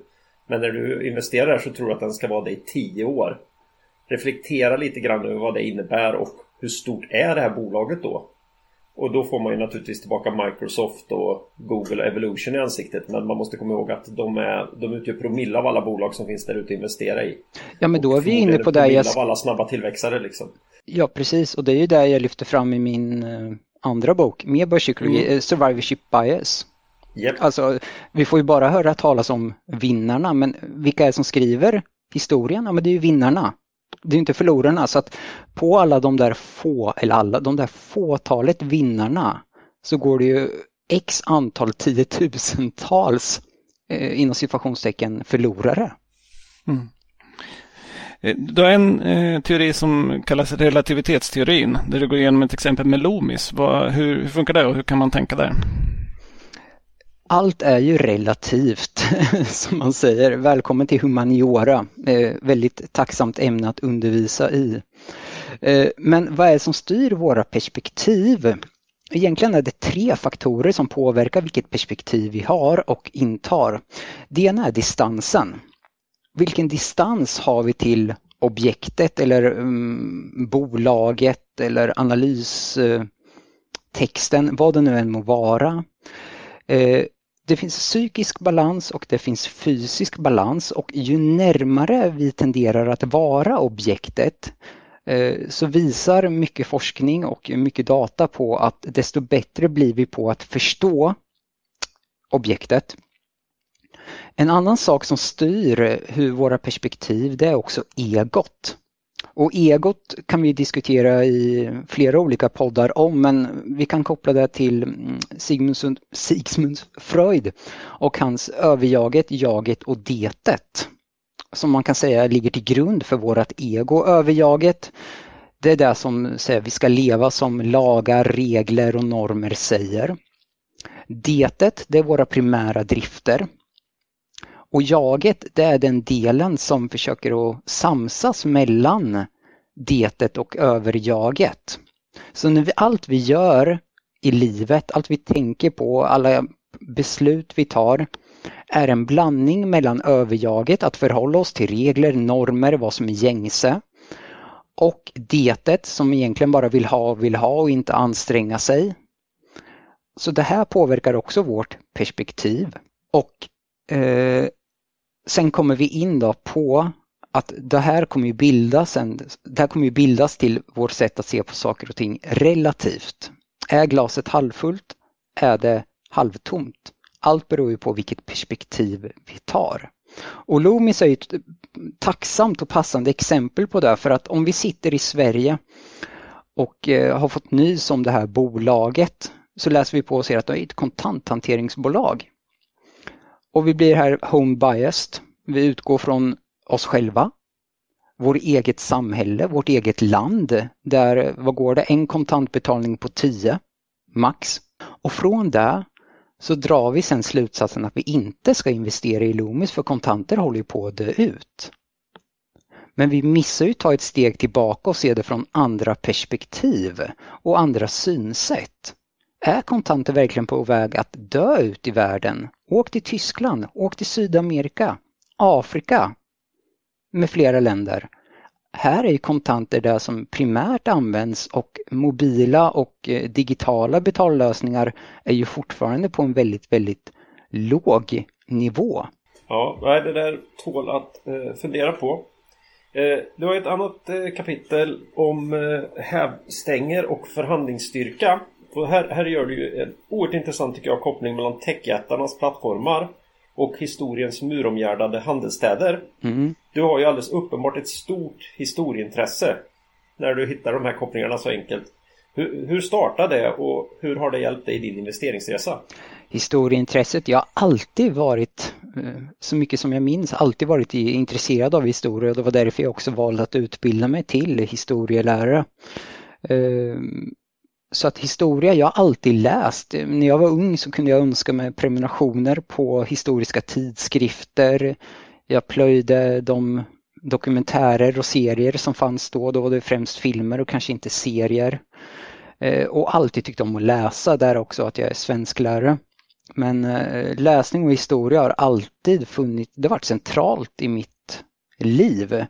Och jag bedömer att för att, för, för att förstå var vi är idag så måste man förstå hur vi kom hit. Därav är historia jätteviktigt. Vill du ha en aning om vart vi är på väg, även om det inte är en garant, så ska du studera och läsa idé och kulturhistoria. Förstå vad det är som påverkar eh, utveckling men också avveckling. Så det här historiska perspektivet har alltid hjälpt mig för att mm, historien visar att Eh, det som vi alla har fått lära oss den hårda vägen att eh, börsen går upp och ner. Bolag kan vara gudar ena dagen för att andra dagen ses som eh, förpassade. Så att, att studera det här och se att och tänka på till exempel survivorship bias har hjälpt mig väldigt mycket och inte bara tro att det här bolaget jag hittar är världens nya ja, Microsoft eller Alphabet. Och förhandlingsstyrkan är ju det att ju större du blir desto bättre position har du i dina förhandlingar och din förmåga att kunna sätta eh, pris kontra värde. Och kopplingen jag gör här kan ju vara till till exempel feodalsamhället när vi får en borgarklass som växer fram i slutet av feodalsamhället. Eh, för att tidigt under feodalsamhället när eh, adelsmännen var de som ägde ett område, hade sin borg och där den mesta handeln skedde inom murarna så var det ju de som tog eh, en avgift för att bönder och andra som ville sälja och köpa de fick betala en avgift för att ta sig in i staden för att få sälja och köpa. De satt ju på makten de här adelsmännen. De behövde inte göra så mycket utan det enda de behövde göra var att ta emot pengarna och öppna porten. Samma sätt kan man egentligen se i egentligen dagens App Store. Vill du sälja någonting, en app på App Store, så måste du betala en tullavgift. Vi kan gå till Mellanösterns basarer eh, och feodalsamhället som jag nämner. Vi har samma sak när om vi tittar i Kina, samma sak om vi åker till Sydamerika. Den som sitter på makten har en stark förhandlingsposition. Men han eller hon måste tänka sig för i vilken grad de använder sig av den här makten. För fel använd hävstång kommer att slå det dubbla tillbaka. Och då kan vi koppla det till när vi till exempel investerar med hävstång. Det är jättekul och jättebra när aktien stiger. Men jäklar vad tufft och hårt det slår när den istället minskar. Så man måste tänka på vilken position sitter jag på? Ska jag använda en hävstång här? Har jag verkligen den makten? Eller kanske ska jag ta det lite försiktigt här för i långa loppet kan det här vara mer destruktivt än konstruktivt. Vi har väl pratat ganska mycket i podden om att vi tycker man ska vara försiktig med, eh, med belåning. Eh, belåning kan göra att du måste sälja på en botten till exempel och vi tycker du själv ska bestämma när man ska sälja och inte banken så att säga. Eh, en annan modell, den här terrängmodellen, går väl i princip ut på att man, man har ju en karta som en avbildning av terrängen där ute. Men terrängen kan ändra sig och då måste man försöka anpassa kartan eller hur ska man, hur ska man se på det där? Ja, men du har helt rätt. Vi kan studera all data som blir oss tillgängliga. Allt från makroanalyser till, bo, till vad bolagen kommunicerar. Men vi får inte glömma bort att all data vi får in, det är ju historia egentligen. Mm. Från det att det är tryckts så är det historia. För att skapa så bra fundament och underlag som möjligt när vi investerar så ska vi absolut titta och utgå från data, alltså kartan, den historiska skildringen. Men vi måste ju också besöka terrängen, att verkligen se och känna. Eh, jag tycker det passande exemplet där är ju Evolution Gaming som blir en bra metafor att använda. Vi kan se data på hur många spelare som spelar deras spel. Vi kan se data på hur marknaden utvecklas. Men ska vi grunda hela vår investeringsbeslut och investeringstes på det? Vi kan också välja att besöka terrängen. Testa spelen. Var aktiv i forum. Testa konkurrenterna. På det sättet får vi både en förnimmelse av terrängen och vi får en förnimmelse av kartan. Och jag drar ju en eh, jag jämför med till exempel andra världskriget när beslutsfattare, generaler skulle fatta ödesdigra eh, viktiga beslut om man skulle anfalla eller backa tillbaka. Ofta fick ju de rapporter som var, eh, kunde vara ett par timmar gamla men för att fatta bästa beslut så kan man inte bara ingå, utgå från det inrapporterade data utan det bästa är egentligen att besöka fronten själv. Prata med manskapet. Hur är stämningen? Hur är moralen? Hur många har sovit? Hur många har fått mat? Hur mycket ammunition har ni i fickan egentligen? Och med det så får man ett bättre beslutsunderlag min liknelse till, till investeringar är väl lite grann att man har en karta där man, man har identifierat ett kvalitetsbolag och så börjar det falla och så köper man massa mer. Men, men det kan ju ändrats så att det här bolaget faktiskt har, har blivit någonting annat än vad det var och då kanske man sitter med en felaktig bild av terrängen så att säga. Du har helt rätt. Men ta, kartan visar att det ska finnas en flod här. Men du och jag åker till terrängen, alltså till den faktiska platsen och ser att floden har ju torkat ut. Det blir inte kul. Det är ju verkligen inte kul.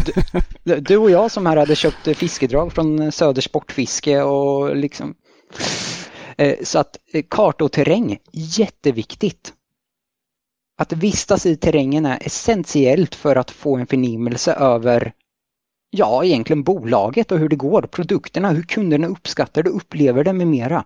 Det är jätteviktigt, så utgå inte bara från kartan, för den är historia terrängen är verkligheten. Ja. Eh, vi är ju lite tvärtom även i den frågan. Vi, är ju, vi tittar ju väldigt mycket på historien och undviker ibland terrängen tyvärr. Eh, det där är ju, ja det där, det där är spännande. Men du har ju en modell som heter tvärtom-modellen. Eh, och den är ju, gillar vi jättemycket för vi tycker att åh, det här är ju, det här är ju den modell, det här är en ram vi använder kanske lite väl mycket då. Men eh, jag funderar på vilken bra fråga jag skulle ställa här. Men jag inser att här vill jag ju ge ett tips varför bara... Det finns en tabell med här. Eh, och jag tror att den är otroligt enkel och pengabesparande. Du har tagit med den, den är på sidan 206 i boken, kan tipsa om redan nu. Och eh, här, här, här berättar ju du att man kan tänka tvärtom hela tiden. Är det det här med risker och att invertera? Hur tänker du runt det? Eh, det var ju som jag sa lite tidigare på en fråga att Eh, du kan ju ställa det flera olika, alltså när man sitter och analyserar, det är ju lätt att man blir fast i nuet och lätt att man blir fast i wow vilket bolag, säg lyckas de med det här, och uppsidan är ju enorm. Men istället ska man ju vända och se på caset och tänka vad är nedsidan? Hur stor är sannolikheten att de kommer att lyckas? Eh, för om jag så ställer frågan till dig Claes att eh, varför investerar du? Du säger så här, men det är för maximal avkastning. Då kommer du också analysera utifrån det här perspektivet. Du ska bara jaga mer och mer avkastning. Kan vi inte bara vända på det och säga nej Claes, du ska investera för bästa möjliga avkastning men till så låg risk som möjligt. Och helt plötsligt ser du på det där förhoppningsbolaget eller vad, vad det nu än må vara från helt andra perspektiv. För nu har du helt plötsligt fokus på nedsidan och inser att det kanske inte är värt att trycka in 15 månadslöner i ett bolag som ska rapportera fas 3 nästa vecka. Det, skulle, det skulle kunna finnas en risk att det händer något annat där än mina, mina mest soliga tankar. Eh, skulle, men det kan också lyckas. Men bara genom att sätta sig i den positionen att se på myntet från båda sidorna och är glaset halvfullt eller halvtomt. Om det är halvfullt, det är upp till dig att bestämma. Om det är halvtomt, det är upp till dig att bestämma. Men att inte ens sätta sig i positionen att se de olika perspektiven är att göra sig en väldigt otjänst. Det är nästan lite kopplat också till de här eh, första, första och andra gradens tänkande som du pratar lite grann om i boken också. Vad, vad syftas där? Den kan man ju koppla till, ehm, jag har för mig det är Ray Dalio och det kan också vara Howard Marks. Båda av dem lyfter fram det här second level thinking. Att tänka ett steg längre. Ehm, jag har ju flera olika historiska exempel här i boken. Och jag lyfter ju även också fram olika bolagsexempel och hur det kan kopplas till aktier. Men för läsarnas skull kanske vi kan använda oss av den där, ehm, jag nämnde ju om Cobra-effekten i Indien så får vi in lite historia här också, det är kul. Eh, jag tror de flesta lyssnarna känner till att Storbritannien var ett väldigt stort imperium under slutet av 1700-talet men framförallt 1800-talet. Och eh, en koloni de hade var Indien. Och man upptäckte att det var väldigt många av de egna soldaterna som dog av kobrabett. Och man har, inte, man har inte manskap nog och man vill inte skicka nya soldater hela tiden. Så då satte sig de ledande och styrande i Indien ner och tänkte hur kan vi lösa det här så våra soldater inte går runt och blir bitna av kobror och faller ihop och dör hela tiden. Och Marcus, du har ju läst boken, men vad, vad tror du egentligen är det första man tänker? När det, alltså hur kan vi lösa det här? Nej, men det första måste ju vara rimligen att vi måste bli av med kobrorna här. Så att, eh, vi, vi, måste ju se till att någon tar bort kobrorna helt enkelt. Ja, och hur gör vi det? För vi vill ju liksom inte skicka ut våra soldater och jaga kobror när de ska egentligen bevara freden och se till att lagar och det följs. Samtidigt har vi också här en väldigt en befolkning som gärna skriker efter arbete som är väldigt fattig. Kan vi slå ihop de här två komponenterna på något sätt, Marcus? Ja, men det känns ju som en eh, hittelön till, eh, till lokalbefolkningen om de döda kobror känns som en bra idé. Kan det är ju kanonbra. Så ja. om vi utfärdar då ett nytt dekret, vi säger så att eh, alla får, låt säga, alla får tio, ett guldmynt för varje kobrahuvud ni kommer in med. På det sättet kommer vi få igång ekonomin också för då kommer vi börja konsumera och vi får igång företagsamheten. Det är jättesmart. Jättebra. Ja, men nu visar det sig att det finns driftiga indier. Klas är en av dem. Vad tänker Klas när han får reda på att jag får ett guldmynt för varje död kobra jag lämnar in? Går, mm, går Klas och hans vänner ut och jagar slut på varenda kobra i hela Indien? Ja, det är jobbigt va? dels är det ju skitjobbigt att jaga kobra och mm. farligt. Och dessutom så tar de ju slut när jag har jagat ett tag. Ja, så, så, så, vad gör du då för att egentligen tänka det här är ju en, det är en gås som lägger guldägg. Ja, jag vill ju ha många kobror fast utan att ta så mycket risk. Ja, så vad gör du? Jag börjar, eh, jag börjar föda upp kobror. Det här är ju kanon och då märker Marcus och jag som är de här styrande att oj vad många döda kobrahuvuden vi får in men det är fortfarande lika många soldater som dör. Och till slut får vi nys om att alla driftiga indier har ju börjat föda upp kobror. Så då bestämmer Marcus och jag att nej men det här funkar inte, den här prisjakten får vi ta bort. Så vi slutar att betala. Boom. Och vad gör Klas och alla andra driftiga indier då när de inte har någon användning för sina kobror? Ja, vi, vi lägger ner våra farmer och så drar, sticker väl kobrorna därifrån tänker jag. Ja, så helt plötsligt står Marcus och jag här då, det brittiska imperiet, med fler kobror. Ja, det var inte meningen. Nej. Eh, så det Marcus och jag inte gjorde var att vi tänkte ett steg längre. Och det är helt omöjligt att egentligen tänka vad, jag, vad kommer exakt att hända. Men genom att tänka så här, om jag gör X kommer det att leda till Y och Z.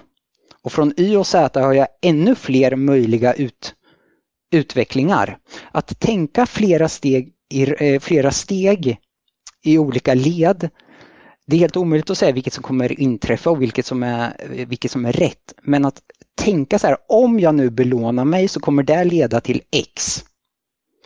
Om någon gång kommer jag vara tvungen att fatta ett nytt beslut vid den positionen som kommer att leda till Y eller M. Och från den så kommer vi till ännu fler bokstäver. Att inte bara sitta här, jag belånar mig för det här kommer gå jättebra. Okej, okay, men vad är nästa steg då? Och steget efter det? Så att tänka i flera steg, liksom, ska du köpa in din aktie, ska du köpa allt på en gång eller inte? Vilka för och nackdelar finns det med det? Och när ska jag köpa in mig igen? När ska jag sälja? Tänka flera steg hur man ska exekvera. För då är man redan förberedd när saker och ting inträffar. Du har redan gjort din plan. Ja, det, det är jättespännande. Eh, vi har ju inte oändligt med tid till den här intervjun här så att eh, vi tänkte, hade några citat som vi tyckte var riktigt bra här i boken. Vi älskar ju citat. Eh, Vem gör inte ja, det? Jag tror inte vi hinner med alla men det citat som jag och Marcus tyckte var oerhört givande och du behöver inte lämna ut alls sammanhanget. Det är mer än varför du tycker så mycket om det. Det är ju, du har ju fått in Charles Darwin här. Det tycker vi är fantastiskt. Och han, det är ju citatet It's not the strongest of the species that survives but the most adaptable to change. Eh, hur, hur, känner du inför det citatet och investeringar? jag tycker det är passande för investeringar för att det är ju den som hela tiden är benägen att vara öppen för att man inte är störst, bäst och vackrast och som ständigt vet att processen som man har kan utvecklas och förbättras.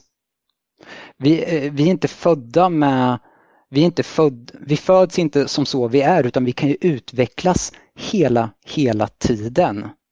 Och den som är bäst på att utvecklas och förhålla sig till sin samtid men även framtiden är ju den som på marginalen kommer att utvecklas och uppnå högre avkastning än de som inte är benägna att anpassa sig. Så här kan vi gå in på givmildhetslagen med mer att ge så att du kan få tillbaka och med det utveck utvecklas. Mm. Ja, nej, vi börjar ju närma oss slutet för eh, intervjun här. Och då tycker vi det är viktigt då att, att alltid fråga dem vi pratar med. Är det något uppenbart vi har missat här eller något du känner att det här måste jag få fram nu när jag har Kvalitetsaktiepoddens lyssnare här i mitt grepp? Jag tror vi hade kunnat prata i flera timmar om varje enskild modell mm. men jag tycker det är så roligt, givande och framförallt hedrande att få gästa er. Och eh, jag tror vi hade kunnat prata jättemycket mer om dem men här blir det lite av ett försmak för eventuella läsare. Och eh, jag vill bara säga tack istället för att säga att vi kunde ha pratat om det här. Jag tycker vi har fångat in flera av de här mentala modellerna på ett bra sätt. Och sen hoppas jag att de som har lyssnat och läser känner att det har varit mer värt än ovärt. Mm. Ja, det finns ju ett enkelt sätt här för alla våra lyssnare att, att verkligen få 100% av uh, informationen, nämligen läsa boken. Så att ja. Uh, ja, det rekommenderas. Nej men uh, då får vi säga tack för den här gången. Och hoppas att vi hörs av snart igen. Om inte i podden så i verkliga livet. Det hoppas jag också. Tack ännu en gång att jag fick gästa er. Ja, tack för att kul att du ville komma. Jaha, tack säger vi än en gång till Kristoffer och boken finns att köpa där ni brukar köpa böcker. Jag blir stor författare nu, Kristoffer. Mm. Ja. Mm. Jag, får, jag får lite ångest bara över att börja fundera över vad skulle ett bokprojekt innebära. Liksom. Oh. Ja, den är... Ja, fy fasen, ja. vilken maskin. Eh, ja, Men i det här avsnittet då har vi åter med oss vår sponsor Drake Analytics. Ja, Eh, Och inför det här avsnittet stämde jag som vanligt av med Per då på Drake om hur vi skulle presentera bolaget och vad de gör. Och då vände Per tillbaka frågan till mig faktiskt. För han menar på att det är svårt för oss att själva beskriva vad vi kan bidra med i enkla vardagstermer. Man vill ju lätt vara lite exakt så här, för man vet att man tänker kanske inte så mycket bara på kunden utan på andra i branschen. Ja, de där uttalar sig så svepande. va? Det gäller att vara exakt, du vet läkarna, Ja, ja. latinska termer och sådär. Men eh, nu råkar det vara så att jag har faktiskt en del erfarenhet av den typ av tjänster som Drake erbjuder. Både från våra små projekt vi har gjort här i samband med podden och eh, från mitt tidigare liv i energibranschen där det fanns stora mängder data ja. Att hantera. Och jag jobbade också just med att hantera data, som kanske vissa vet.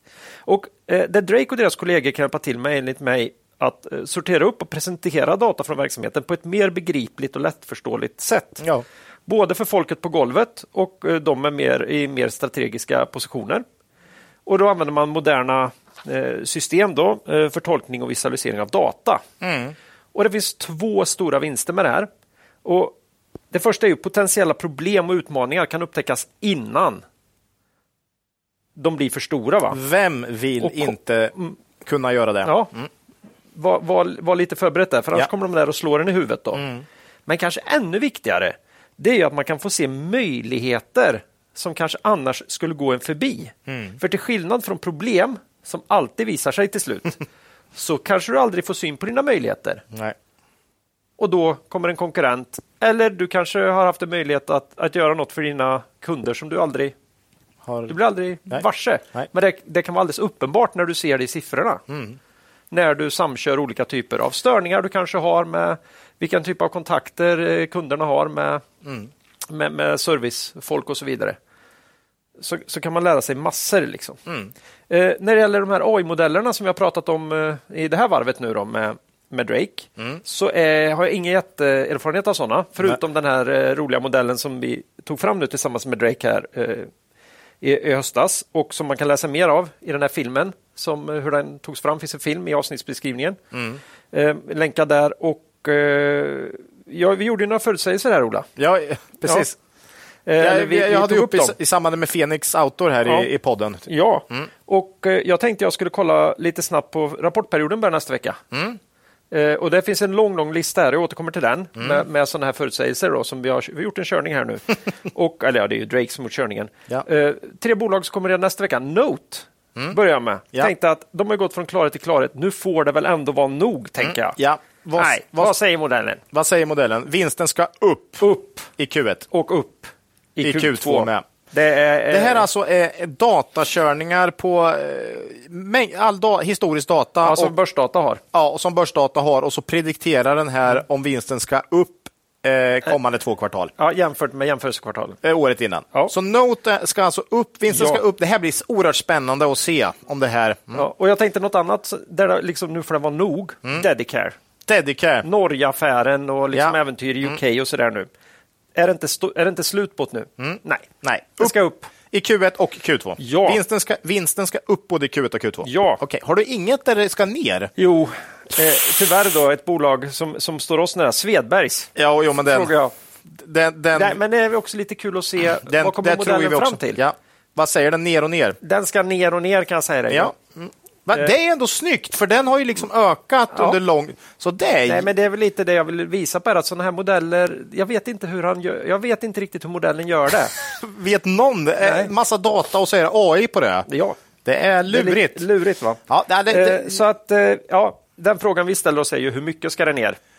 Vi tror också att det ska ner, men Ja, eh, vi ja, kan- vi får se. det här kanske är en sån här supermodell som, eh, som har oerhört hög träffsäkerhet. Ja, så kan det Spännande. vara.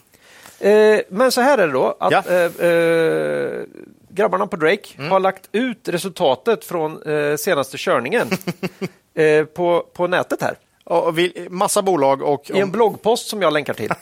Vad spännande, vad kul. 900 bolag tror jag. Oj, oj, oj, då kan man se sen. Nej, den hade fel. Den hade, ja, Mm. kul. Så eh, olika, det är olika naturligtvis kvalitet och, och, och sannolikhet på de här. Men Jo, det är klart. Det är klart. eh, det är kanske kul att gå in och, och spana in vad modellen tror om utvecklingen i era favoritbolag. Ja. jag tror vi kommer få anledning att återkomma till den modellen. Ja. Jag tycker det har varit kul. Så jag är ju skeptisk eh, så länge jag, tills jag inte är skeptisk längre. Nej, sätt. så men, är det ju. Men, eh, du, du vill ju veta, men vart är aktien på väg? Vart är aktien på väg? Det, ja, ja. Ja. Ja, tack säger vi till vår sponsor Drake Analytics. Tack. Eh, ja, i förra avsnittet intervjuade vi legendaren, det gjorde vi inte alls, vi, vi lottade ut böcker Ja, eh, från, som Per och Börjesson har skrivit. Vi hade ju intervju med honom tidigare. Mm. Ja. Och eh, då, då fick vi ju feeling, 340 svar fick vi in eller något sånt där. Va? ja, mycket. Och eh, då, då sa vi, nej, det räcker inte med fyra böcker, vi vill ha sex till så det blir tio. Ja, De där Mm. har ju eh, försvunnit i posten. Va? ja det är Så klassiker. det, men det är på G. Eh, så det är därför ni inte har fått era böcker än. De kommer. Mm. Ja. Jag kommer aldrig ge mig. De böckerna ska fram. Mm. De ska fram naturligtvis. De Ja. kommer. Ja. Eh, så håll ut.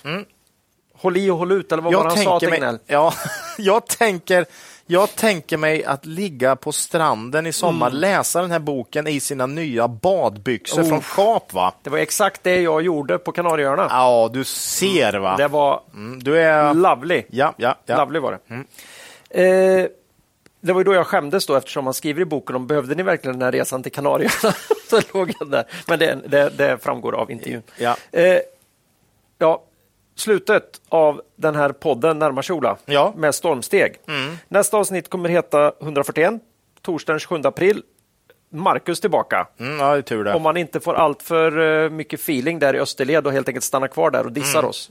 Det, det, Han, han gillar drinkarna mer än, än oss. Ja, så kan det vara. Och solen och sånt. Typiskt. Mm. Och sina badbyxor. Eh, det, vi, vi hoppas han kommer tillbaka. Oavsett det så blir det rapportkommentarer Ja. i kubik bli. i nästa avsnitt. här. För nu är det igång. Ja. Eh, Man kan mejla oss på kontaktet kvalitetsaktiepodden.se eller kommentera på Twitter eller på vår hemsida då, kvalitetsaktiepodden.se. Slutligen då, Ola, har du någon riktig makro eller te värt att ta upp idag? Nej, det jag har varit nog med makro i den här podden, tycker jag. Mm. Du då? Ah, nej. Nej. Eh, nej, men utan Marcus så jag har svårt att hitta den där riktiga glädjen. ja. ja, men det är lite tomt. det är tomt där. Ja. Ja. Jag håller med. Ja, så ett tag sa jag att vi kanske bara ska ha en tyst minut, men det tyckte du var att ta det för Det- långt. det var- det var att ta det för långt. ett steg för långt, Det var ja. för, Okej, det var för långt. ja. Bra. Eh, eget ägande då? Eh, ja, Matta sa vi ju och sen pratade vi ju VBG här i inledningen med tanke på eh, Volvos vinstuppjustering och sen så ACQ Burespack samt Crea Spack. De har vi. Precis.